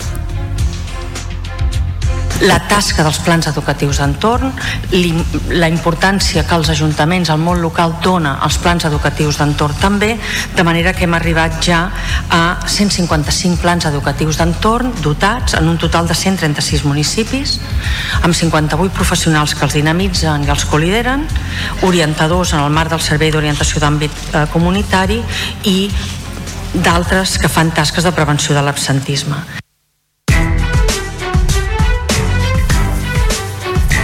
De l'educació a la sanitat perquè la mascareta ja és obligatòria als centres sanitaris i sociosanitaris de tot l'Estat després que la ministra de Sanitat, Mònica García, hagi fet prevaldre el seu criteri davant les comunitats autònomes que s'hi oposaven. A les farmàcies i residències geriàtriques, però, la mascareta és només una recomanació. En canvi, la mesura que pretenia lleugerir la pressió d'ambulatoris i hospitals en plena onada d'infeccions respiratòries haurà d'esperar. I és que el Ministeri ha ajornat l'autobaixa mèdica per grip o Covid després de topar amb el rebuig de patronals i sindicats. Els hospitals, mentrestant, continuen a plena activitat a punt d'arribar al pic de la grip i la Covid Diversos centres han hagut d'ajornar operacions que requerien ingrés hospitalari per tal de tenir llits lliures per a persones malaltes per virus respiratori. Ahir us parlàvem de l'Hospital de Palamós, avui n'afegim un altre, per exemple, l'Hospital de Sant Camil, a Sant Pere de Ribes. Hi ha anat un equip de Canal Blau. L'Hospital Sant Camil de Sant Pere de Ribes està al 100% de la seva capacitat, amb molta afluència a urgències de pacients amb patologies respiratòries.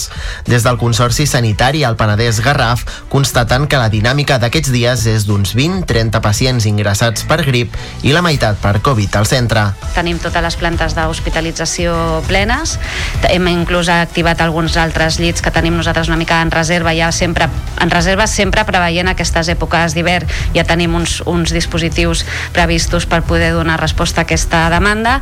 I a més des de fa dos, dos anys que tenim el dispositiu d'hospitalització a domicili que també ens ajuda a no tenir tants pacients ingressats a l'hospital doncs també tenim tots els llits d'hospitalització a domicili doncs plens també, és a dir que estaríem a, a plena capacitat. A urgències de Sant Camil hi ha unes 200 visites diàries, 120 en el cas de l'Hospital de Sant Antoni de Vilanova, una afluència alta que supera la mitjana habitual. Doncs veurem també com afecta aquesta dinàmica malaltissa a una campanya que avui comença, la Marató de Donants de Sang de Catalunya, amb una setantena de punts de donació arreu del territori, a banda dels principals hospitals.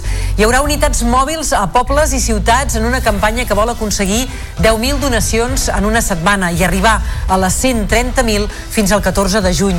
Els responsables del Banc de Sang esperen recuperar els nivells òptims de reserves després d'haver baixat pel parèntesi de les festes de Nadal, però també, com deia, per l'impacte de l'epidèmia de virus respiratoris.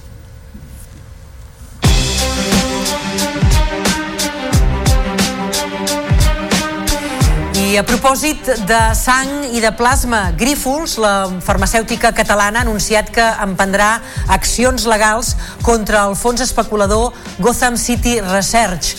La farmacèutica acusa el fons de provocar-li danys financers i reputacionals i afegeix que ha provocat una gran preocupació tant als seus pacients com entre els seus donants.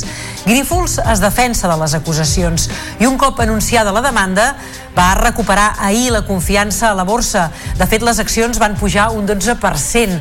Això sí, després d'haver caigut un 25%. Segons la Comissió Nacional del Mercat de Valors, Godam va vendre part del paquet d'accions que tenia de la farmacèutica abans de fer públic l'informe i les va recomprar després a un preu molt inferior, operació que li ha reportat guanys milionaris. Ahir mateix ens fèiem ressò de la crítica de la Cambra de Comerç pels elevats preus del lloguer. Doncs bé, els alts preus per accedir a un habitatge han provocat també un creixement de les reformes immobiliàries. I és que els nous propietaris es decanten més per comprar pisos que necessiten una reforma, ja sigui menor o d'obres de rehabilitació importants. Ens ho expliquen eh, des de Canal Reus. Fa temps que el mercat immobiliari es troba en una roda contínua, però aquesta situació s'ha agreujat en els últims anys. El fet que els lloguers no deixin de créixer arreu del país i que els habitatges d'obra nova tinguin preus tan elevats que no tothom pot assumir ha propiciat que cada vegada siguin més les persones que opten per la rehabilitació. Jo crec que és fruit de que per un cantó, doncs segons quina família, millor pensa doncs si compro una, un habitatge encara que, que estigui per reforma bastant completa però d'entrada em sortirà més barat i pot ser una fórmula eh, per acabar tenint, reformant doncs tenir habitatge digne, però també crec que és el fet aquest de que com que els preus del lloguer estan pujant de manera prou important en els últims temps doncs també hi ha petits inversors que es compren algun pis o alguna petita caseta de dos, tres, quatre pisos i el reformen per posar-lo en lloguer. De fet, aquesta tendència pot continuar augmentant aquest 2024. La rehabilitació és un àmbit més sostenible econòmicament i també amb menys temps d'execució. A més, les persones que opten per aquesta opció compten amb diverses ajudes, tant per part de l'Ajuntament de Reus com també dels fons Next Generation. I parlant de vivenda, el govern exigeix revisar el projecte de la urbanització de la Font de la Salut de Begú, on es preveuen 32 habitatges. Les organitzacions ecologistes SOS Costa Brava i Salvem Begú van presentar al·legacions i ara esperen que amb l'avaluació ambiental se'ls doni la raó finalment i no es tiri endavant el projecte d'urbanització. Aquestes organitzacions adverteixen del gran impacte mediambiental que suposaria la urbanització.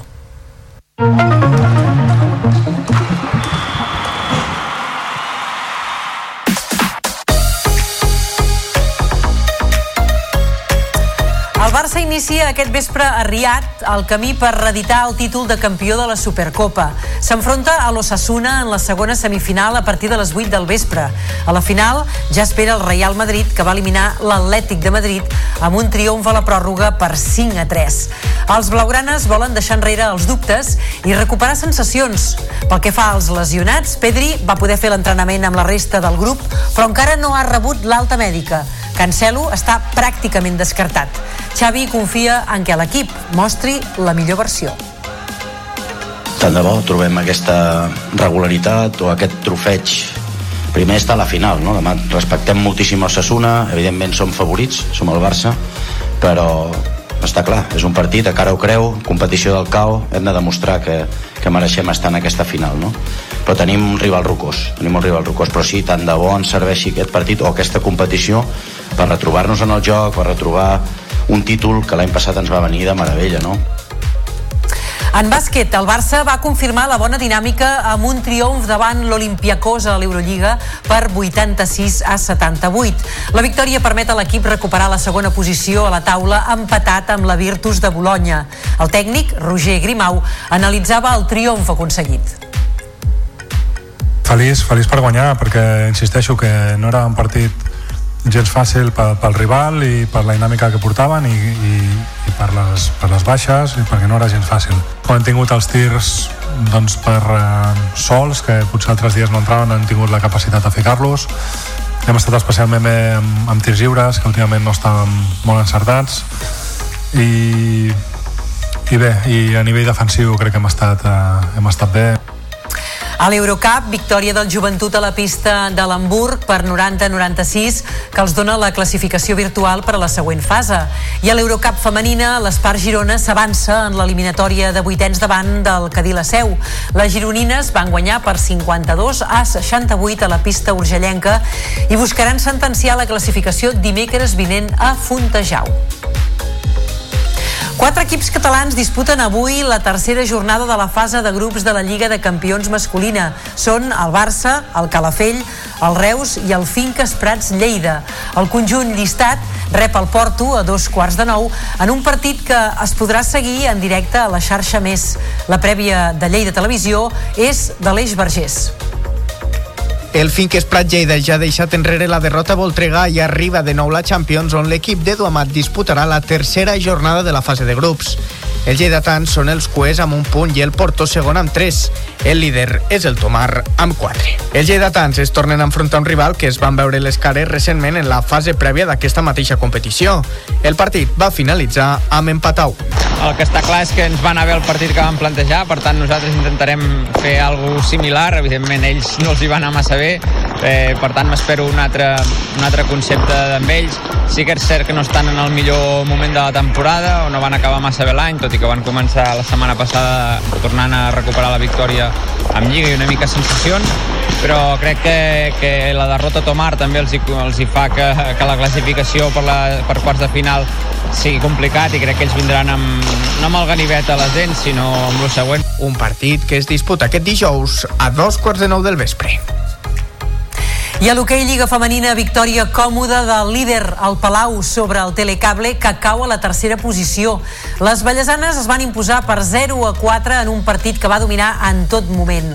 Aina Florença va avançar l'equip amb un doblet en el primer temps i Anna Casarramona va rodonir la golejada amb dues dianes més a la represa. L'equip palauenc, que encapçala la taula amb 3 punts més que els seus perseguidors, doncs. En canvi, ensopegada del segon classificat, el Vilassana, a la pista del Cerdanyola. Va empatar a 4 en un duel en què des de les de la Pla d'Urgell van salvar un punt en el darrer minut amb un gol de Victòria, de Victòria Porta, autora de totes les dianes de l'equip. Les lleidatanes deixen escapar així l'oportunitat d'apropar-se al líder, el Palau.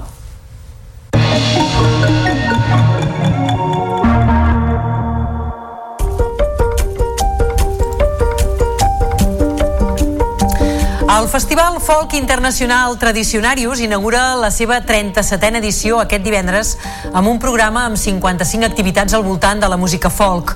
Una edició que vol reivindicar més que mai els països catalans. És una crònica d'en David Benito.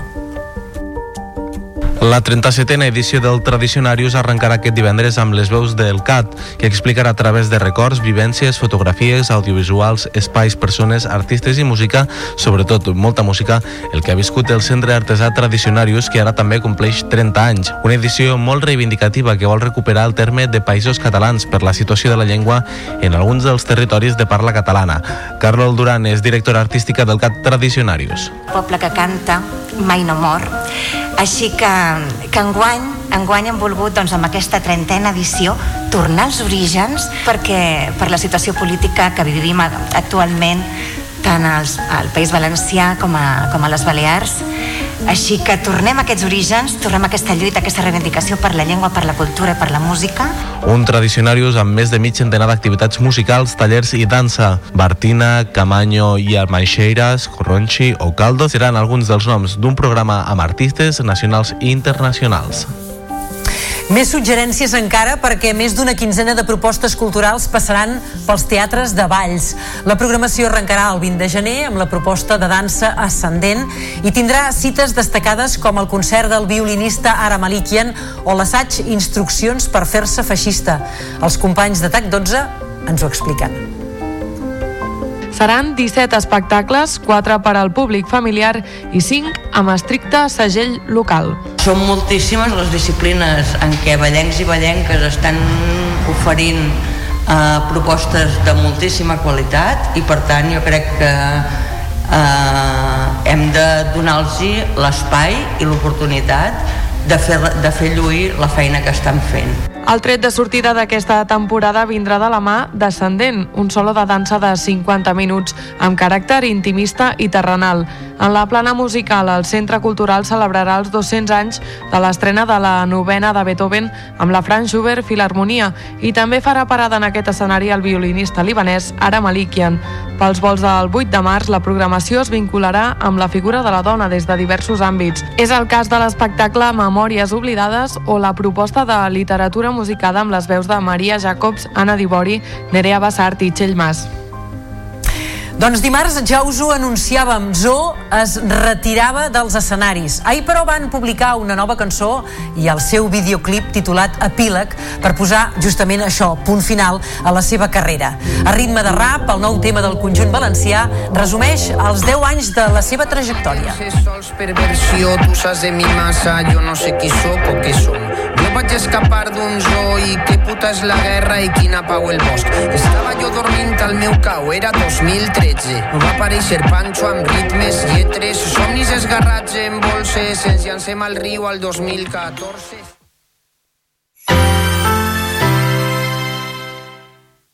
La xarxa de comunicació local. Propostes en xarxa.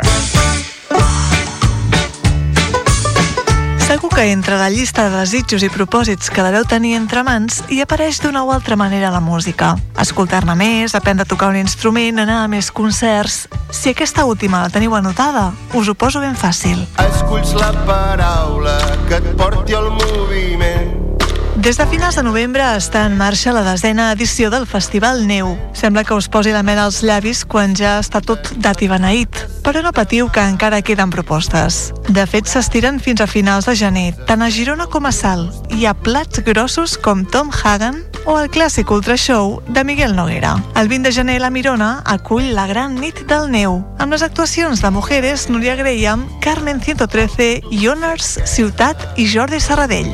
El dia 26, segona edició del Neu Pro, l'espai de trobada per a la indústria musical i els creadors amb ponències, taules rodones, showcases i retransmissions de podcast en directe.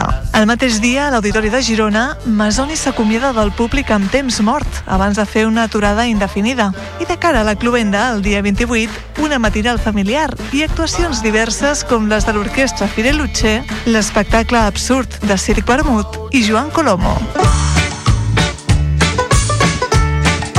Fins al 28 de gener podeu gaudir de la desena edició del Festival Neu a Girona i a Salt. En trobareu tots els detalls al web neuhome.org.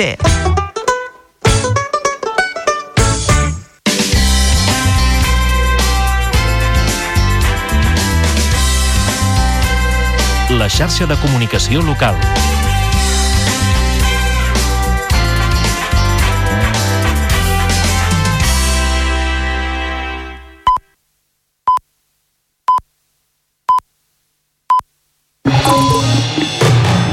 Notícies en xarxa, edició matí.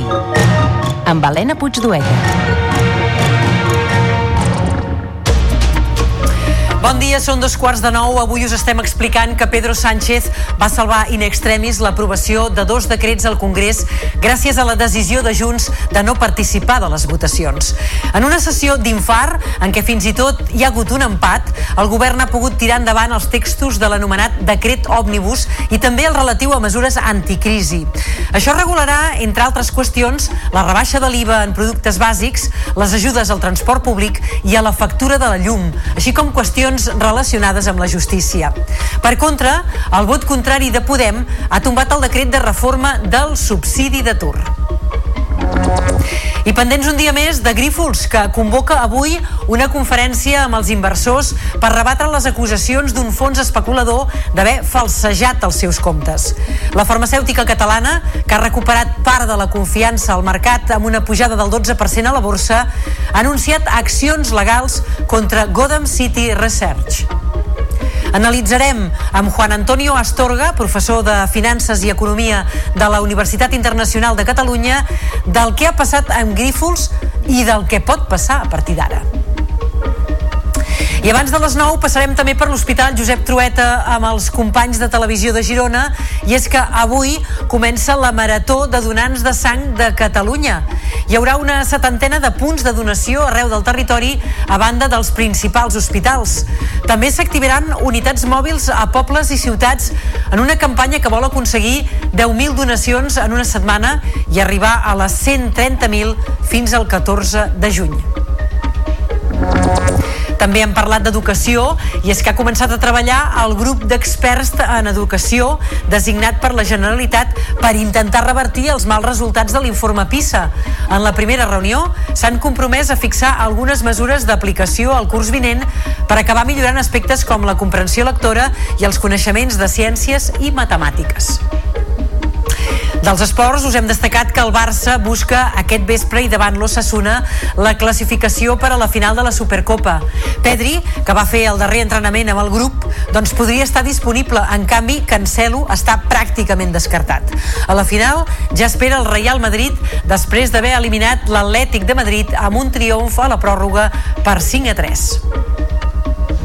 I demà arrenca la 37a edició del Tradicionarius, el Festival Folk Internacional que ha programat fins al 22 de març més d'una cinquantena d'activitats al voltant de la música d'arrel catalana i europea. El certamen reivindicarà la feina del centre artesà en l'escena cultural de les darreres tres dècades. Notícies en xarxa, edició matí. Passen ara mateix 3 minuts de dos quarts de nou del matí. Ens hi posem. De fet, ho destacàvem suar en titulars. Finalment, i contra tot pronòstic, Pedro Sánchez ha salvat l'aprovació dels decrets anticrisi i òmnibus al Congrés. Junts per Catalunya, que havia anunciat el seu vot contrari, a l'últim moment ha decidit no participar en cap de les votacions i això ha permès tirar endavant dos dels tres textos que el govern duia a votació. Això activa mesures relatives al servei públic de justícia, règim local i funció pública, entre d'altres. I en l'àmbit social, l'impost a l'energia i als aliments i ajudes al transport públic. La formació de Carles Puigdemont ha justificat el canvi in extremis per un acord amb el PSOE per delegar a la Generalitat les competències d'immigració, la publicació de les balances fiscals i que l'oli passi a ser aliment essencial amb un IVA del 0%. Un gir de darrera hora que ha arribat després d'hores de dures negociacions i tensió entre totes dues formacions. Així l'escenificaven, abans de la votació, el ministre de la Presidència, Félix Bolaños, i la portaveu de Junts al Congrés, Míriam Nogueras. Su elección de hoy es muy sencilla. Su voto de hoy determina cuál es el precio de los alimentos mañana. Pulsar hoy el botón del sí o el botón del no no solo se va a reflejar en el diario de sesiones, también se va a reflejar en la factura de la luz.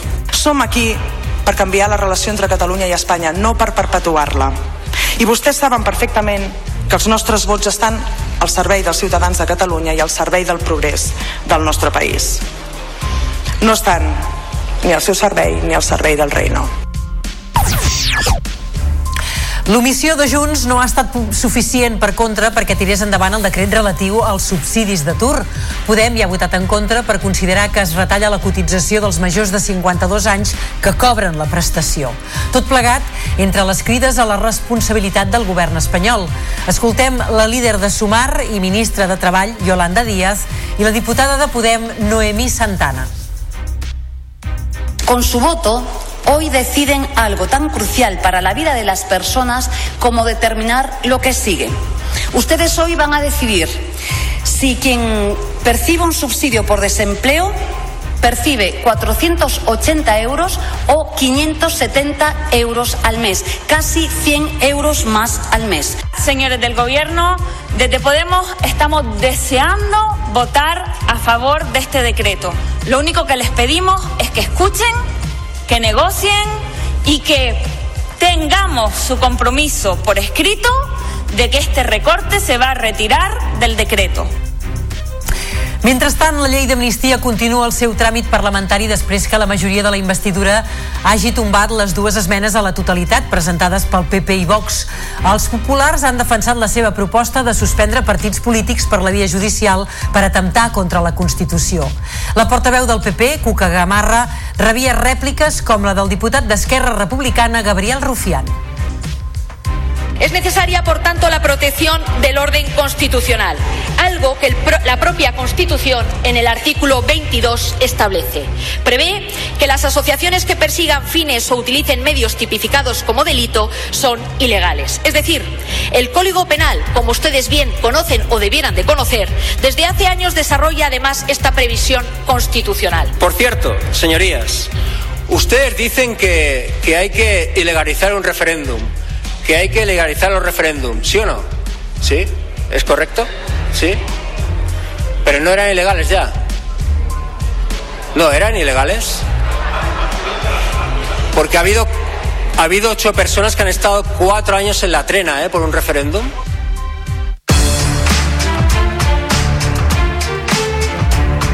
Camí de tres quarts de nou, també us expliquem que comença a treballar el grup impulsor de millores educatives activat pel govern de la Generalitat després dels mals resultats de l'informe PISA. Els 18 experts s'han reunit per primera vegada amb l'objectiu de buscar mesures curriculars viables i de consens perquè tinguin continuïtat. Se centraran sobretot en millorar la comprensió lectora dels alumnes, el coneixement en matemàtiques i també en ciències. El sindicat de mestres i professors Ustec Estès considera una cortina de fum el que ha fet el govern de la Generalitat creant aquest grup d'experts i assenyala l'Escola Nova 21 com a un dels factors principals del fracàs de PISA. És el nou mètode pedagògic que es va implantar a les escoles de Catalunya fa aproximadament una dècada. Ho ha dit Xavier Díez, membre d'Ustec i del Consell Escolar de Catalunya fa uns minuts aquí, al Notícies en xarxa la iniciativa del departament eh, ha, ha estat una cortina de fum perquè el departament té totes les dades disponibles a través del Consell Superior d'Avaluació del Sistema Educatiu, que té les dades de tots els alumnes, de tots els centres educatius des dels anys 90, amb la seva evolució. No costa en absolut fer un, una diagnosi. El que els hi costa és reconèixer els errors que han estat cometent eh, diguem, diverses administracions des de fa uns 10 anys i sobretot a partir del 2016 quan entra eh, la iniciativa de l'Escola Nova 21, que bàsicament el que acaba generant és un caos pedagògic, especialment a, a, a l'ensenyament primari, i que després s'arrossega a l'ensenyament secundari. Sense deixar encara l'àmbit educatiu, us expliquem també que hem conegut que la segregació escolar s'ha reduït del 20% al sistema català, però el descens és encara més notable, més intens a l'àmbit local. La segregació ha baixat del 35% si el marc geogràfic analitzat és el municipi. És una de les principals conclusions de la vuitena reunió de la Comissió de Seguiment del Pacte contra la Segregació Escolar. La síndica de Greuges, Esther Jiménez Salinas, ha destacat la necessitat de recuperar el paper de sanció social de l'escola i la consellera d'Educació, Anna Simó, ha incidit en la feina compartida amb els municipis per fer front a la segregació escolar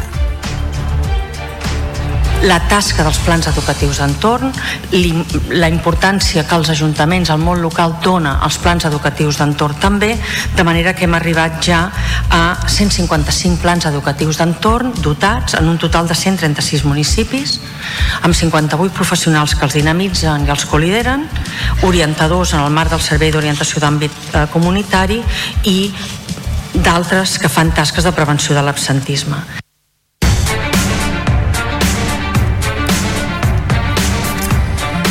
Ha anunciat que emprendrà accions legals contra el fons especulador Gotham City Research.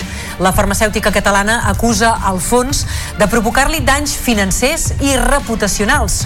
Un cop anunciada la demanda, les accions de Grífols van pujar un 12% després d'haver caigut, això sí, un 25%. Per cert, Gotham va vendre part del paquet d'accions que tenia de la farmacèutica abans de fer públic l'informe i les va recomprar després a un preu molt inferior, operació que li ha reportat guanys milionaris. En tot cas, doncs, volem saber què hi ha al darrere d'aquesta patacada de Grífols. De fet, ho volem fer parlant justament ara mateix per entendre una mica més quin és el problema i que hi ha al darrere d'aquest fons que va fer caure Grífols volem parlar, parlar ara mateix deia amb Juan Antonio Astorga que és professor de finances a la Universitat Internacional de Catalunya la UIC Barcelona. Senyor Astorga, molt bon dia i gràcies per atendre'ns. Molt bon dia Gràcies a vostès. Uh, no és la primera vegada perquè uh, durant aquests dies hem tingut temps de llegir àmpliament sobre Gotham City Research. Deia que no és la primera vegada que aquest fons especulador posa entre les cordes empreses que cotitzen a borsa i amb un mateix modus operandi, eh? sembla avís previ, un informe nefast i això provoca una sacsejada financera. La pregunta és, si se sap que és un fons especulador, i de reputació qüestionable i que busca a més a més fer caixa amb les seves víctimes per què té tanta repercussió a la borsa? Bueno, eh, tiene toda la razón en el sentido de decir, propiamente Gotham es una empresa de análisis de, de empresas. Lo que sucede es que eh, es a su vez propietaria de un fondo de inversión, que es con el que especula. Hace unos cerca de 10 años, en el 2014, se recordará que había una empresa que se llamaba Powex, que cotizaba en el mercado alternativo bursátil, mucho más pequeña que, que Grifols, y emitió un informe también devastador. Eh, lo que pasa es que en aquel momento tiene razón, tenía razón. Eh, la empresa era un fraude y de hecho quebró y sus directivos están pendientes todavía de juicio, ¿eh? nueve años después, pero eh, fue realmente, eh, acertó en su diagnóstico. ¿Qué ha pasado? Que cuando sacó este informe justo antes de la apertura de la bolsa el martes, muchos inversores que no seguían a Grifols, con el recuerdo que tenían en la cabeza del tema de GoWex, pues eh, cayeron a pies juntillas el informe. Si usted analiza eh, las opiniones de los analistas que siguen la empresa, seguir la empresa en bolsa significa que son los que invierten en ella y que hacen una vigilancia continua de la empresa, dice que este informe, todo lo que pone es eh, conocido, por- con lo cual no aporta nada nuevo y de hecho ellos no cambian la opinión que tienen sobre Grifols. Pero el daño ya está hecho.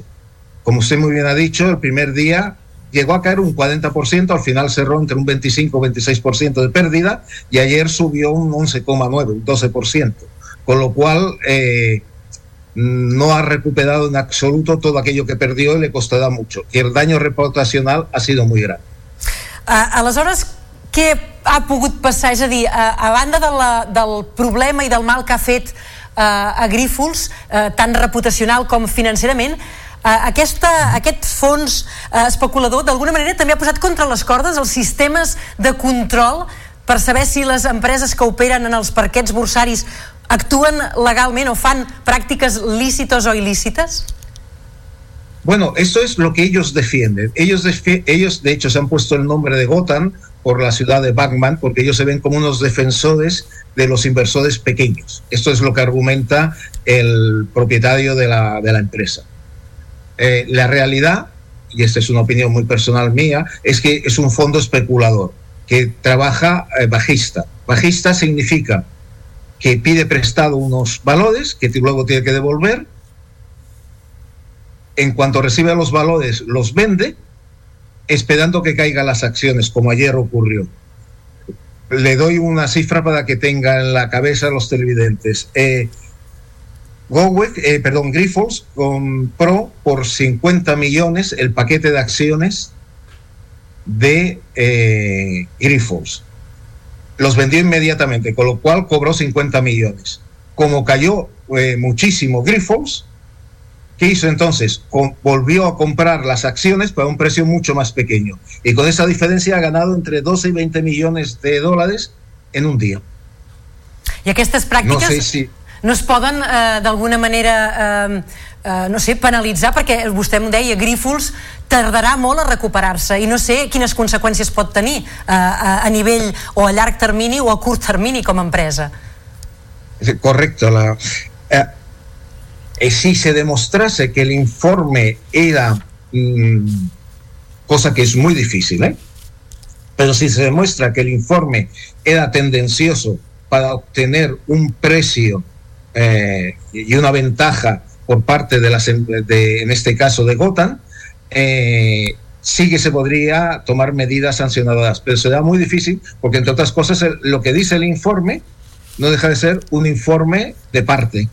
De hecho, si usted se fija en la respuesta que ha dado la Comisión Nacional del Mercado de Valores, que es el organismo encargado de controlar y regular la- los mercados de valores en España, eh, lo que ha dicho es que está haciendo investigaciones tanto por la parte de Gotham como por la parte de Grifols, pidiéndole más información y ha señalado que la empresa pues está colaborando, dando toda la información posible. Pero eh, fíjese que no dice cuál de las dos partes tiene razón ahora mismo. Lo que sí que ha hecho ha sido no suspender la cotización de Grifols, sigue en bolsa cotizando normalmente. Juan Antonio Astorga, professor de Finances a la Universitat Internacional de Catalunya, és ben clar, ens ho ha deixat ara claríssimament vostè, que si no hi entens gaire, millor que a la borsa te la miris d'un tros lluny, perquè si no pots sortir-ne molt escaldat. Gràcies per atendre'ns i per la seva didàctica, que vagi molt bé. Bon dia. Muchas gracias. Moltes gràcies.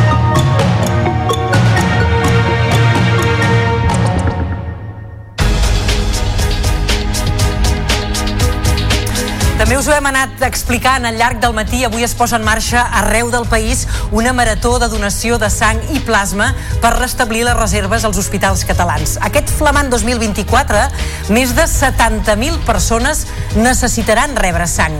El Banc de Sang i Teixits, doncs, impulsa aquesta marató de donants amb el repte d'arribar a les 10.000 donacions i amb més de 70 col·lectes repartides arreu del territori. Una d'aquestes col·lectes es fa justament a Girona, en concret a l'Hospital Josep Trueta, on hi hem enviat a un equip de la televisió de Girona amb la Luna Blanco i amb en Joel Serrano. Joel, molt bon dia. Com està anant això? Està tot a punt ja per aquesta marató? Bon dia, doncs sí, ara d'aquí uns 15 minuts arrencarà la marató de donants de sang d'aquí de Catalunya i nosaltres ens hem acostat fins a, com bé has dit, a l'Hospital Josep Trueta per conèixer com està la situació. A nosaltres ens acompanya la tècnica de promoció de l'aire de Girona, la Txell Casacoberta. Bon dia. Hola, molt bon dia. Molta feina des de bon matí? Uh, sí, ja ho tenim tot a punt. Uh, ens hem llevat d'hora doncs, perquè, com podeu veure, hem preparat la sala per acollir doncs, els primers donants que puguin venir ara, ara a les 9. I aquí estareu tota la setmana, bueno, aquí esteu tot l'any, però estareu tota la setmana de forma intensa. Sí, eh, estarem cada dia de 9 a 2 i de 4 a 8 aquí a l'Hospital Trueta, aquí a la sala de donació del Banc de Sang de l'Hospital Trueta. Eh, dissabte i diumenge no, tenim tancat el, la sala de donació d'aquí del Trueta, però ens podreu trobar amb campanyes doncs, a, la, a la resta de Catalunya o a la resta de, de les comarques de, de Girona. A nivell de Catalunya esperem unes 10.000 donacions, però aquí en el Trueta quantes donacions s'esperen aquesta setmana? Bueno, més que aquí al Trueta ho comptarem com a, a totes les comarques gironines. Eh, durant la setmana esperem arribar a veure si podem a les 700. Entre 600 i 700 donacions ens agradaria, doncs, bueno, ja serien uns molt bons resultats. I el perfil del donant que busqueu, necessitaríem una miqueta el relleu generacional, no? Sí, és el que sempre ja anem dient últimament. El, el fet de que les donacions ens vagin baixant eh, ens afecta pel fet de que bueno, els donants poden donar als 18 als 70 anys, que majoritàriament els nostres donants, el perfil del donant és dels 50 als 70, i tal com dius, necessitem aquest relleu generacional, necessitem doncs, que la gent jove s'incorpori a la donació, aquestes franges d'edats que més baixes tenim, que és a partir dels 30, 30, 40 o 20 anys, doncs, eh, com deia, doncs sí, que s'incorporessin a, a la donació. De fet, mm, el, els nostres vídeos de difusió hem fet participar i han participat gent jove i, i bé, eh, una mica el lema també va per aquí, no? Els castellers, gent jove que, que fa castells mm, i animar una mica la gent doncs, a, que, a la gent jove que vingui a donar sang, evidentment sense, doncs, eh, sense deixar de banda la resta de donants i a les, a les franges d'edats doncs, que també són molt benvinguts, evidentment. I s'ha notat molt el, el Nadal? Uh, S'ha notat, sempre es nota. De fet, uh, no només al Nadal, en èpoques de festivitat, en èpoques de pont, uh, sempre notem aquesta davallada de donacions de sang, especialment al desembre, doncs, pel fred, pels encostipats, per les grips, uh, perquè al desembre concentra molts ponts i moltes festivitats, i això fa que les donacions baixi, i, i ho anem notant, ho notem. Sí, precisament la Marató de Catalunya està enfocada al gener, a principis de gener, precisament per remuntar aquestes reserves de sang que durant al desembre ens han baixat per força. Doncs ell, moltes gràcies i que vagi molt bé aquest matí. Molt bé, doncs moltes gràcies a vosaltres i esperem que vingui molta gent i s'animi tothom. I nosaltres recordar que aquí a Girona, durant el matí de demà, de divendres, es podrà s'ha habilitat el Saló del Descans del Teatre Municipal de Girona per poder anar a donar sang.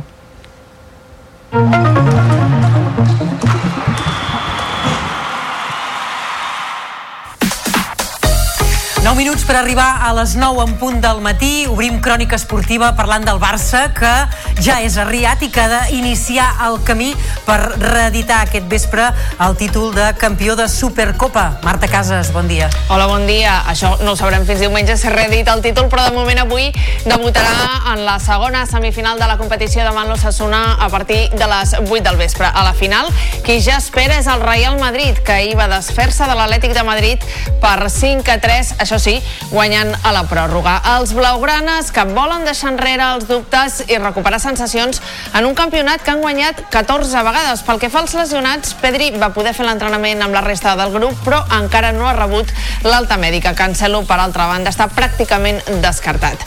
Xavi confia en que avui l'equip mostri la millor versió.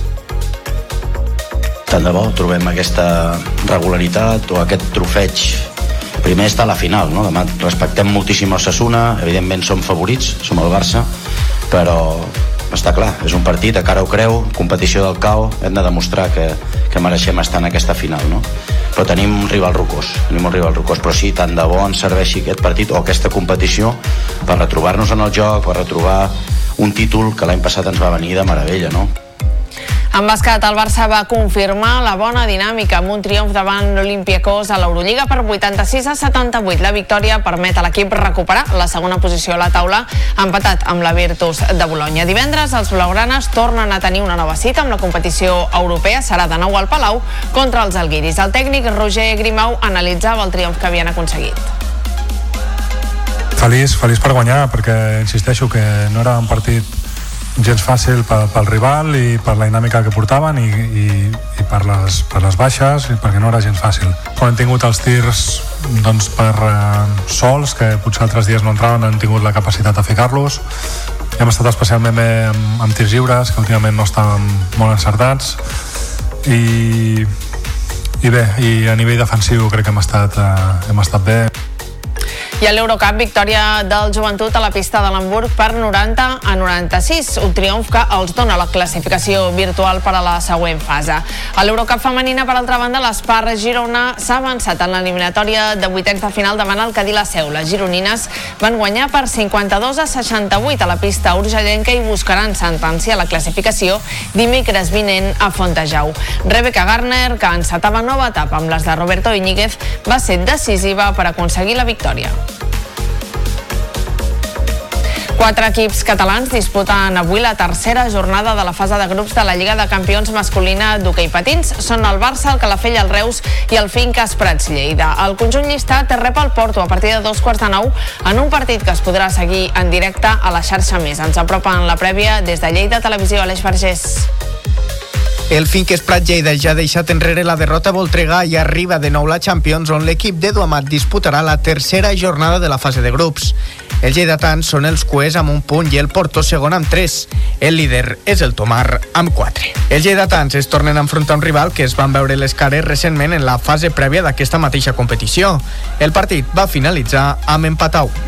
El que està clar és que ens va anar bé el partit que vam plantejar, per tant nosaltres intentarem fer alguna similar, evidentment ells no els hi va anar massa bé, eh, per tant m'espero un altre, un altre concepte amb ells. Sí que és cert que no estan en el millor moment de la temporada, o no van acabar massa bé l'any, tot i que van començar la setmana passada tornant a recuperar la victòria amb Lliga i una mica sensacions, però crec que, que la derrota a Tomar també els hi, els hi fa que, que la classificació per, la, per quarts de final sigui complicat i crec que ells vindran amb, no amb el ganivet a les dents, sinó amb el següent. Un partit que es disputa aquest dijous a dos quarts de nou del vespre.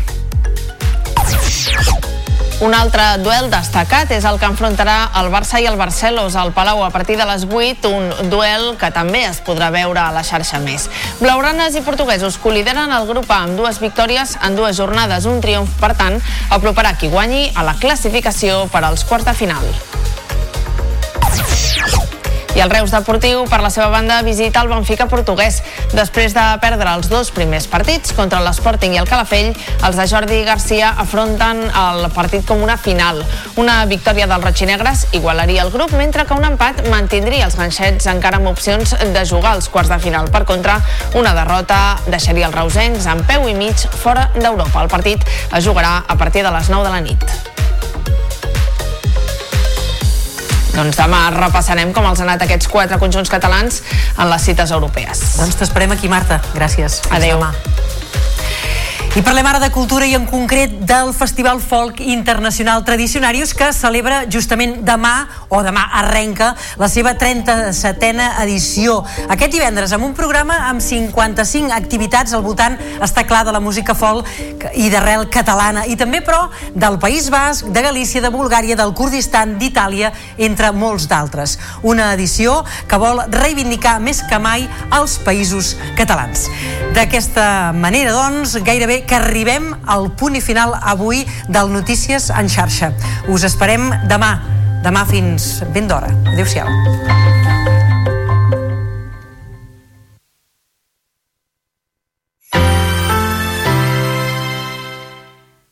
La xarxa de comunicació local.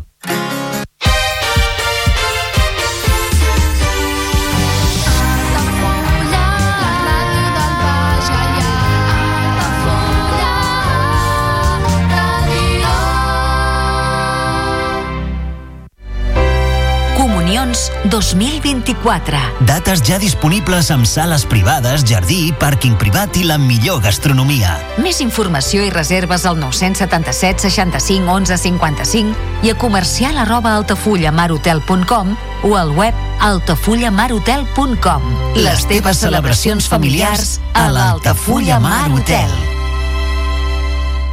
Ja coneixes les propostes que t'ofereix el Club Marítim Altafulla? Vine i descobreix totes les nostres activitats. Sortides en caia, copà del surf, cursos de vela per a totes les edats. No t'ho perdis. Club Marítim Altafulla. Obert tot l'any i per a tothom. Carrer Major, el programa de les emissores del Camp de Tarragona. Cada dia de 4 a 6 de la tarda, el que passa al Camp de Tarragona t'ho expliquem amb la major redacció d'un programa de territori quilòmetre zero. Periodisme de proximitat, continguts de qualitat, amb Anna Plaza i Toni Mateos. Carrer Major. La pilota torna a rodar i el centre d'esports Altafulla juga una temporada més a Altafulla Ràdio. Els groc i negres reben a un candidat al títol i l'ascens al Sant Pere Sant Pau amb la voluntat d'aconseguir la primera victòria del 2024 davant l'afició i seguir la bona ratxa al Joan Pijuan. Aquest dissabte, a partir de les 5 de la tarda, segueix el partit en directe a través del 107.4 de la freqüència modulada, al web 3 altafullaradio.cat, l'aplicació per a dispositius mòbils o la televisió digital terrestre. El futbol més modest sona Altafulla Ràdio.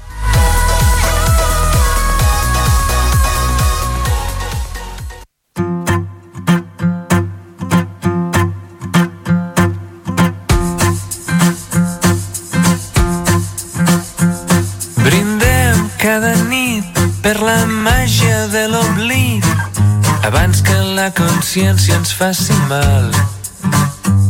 Brindem o que sigui que sentim. Brindem fidels amants. Brindem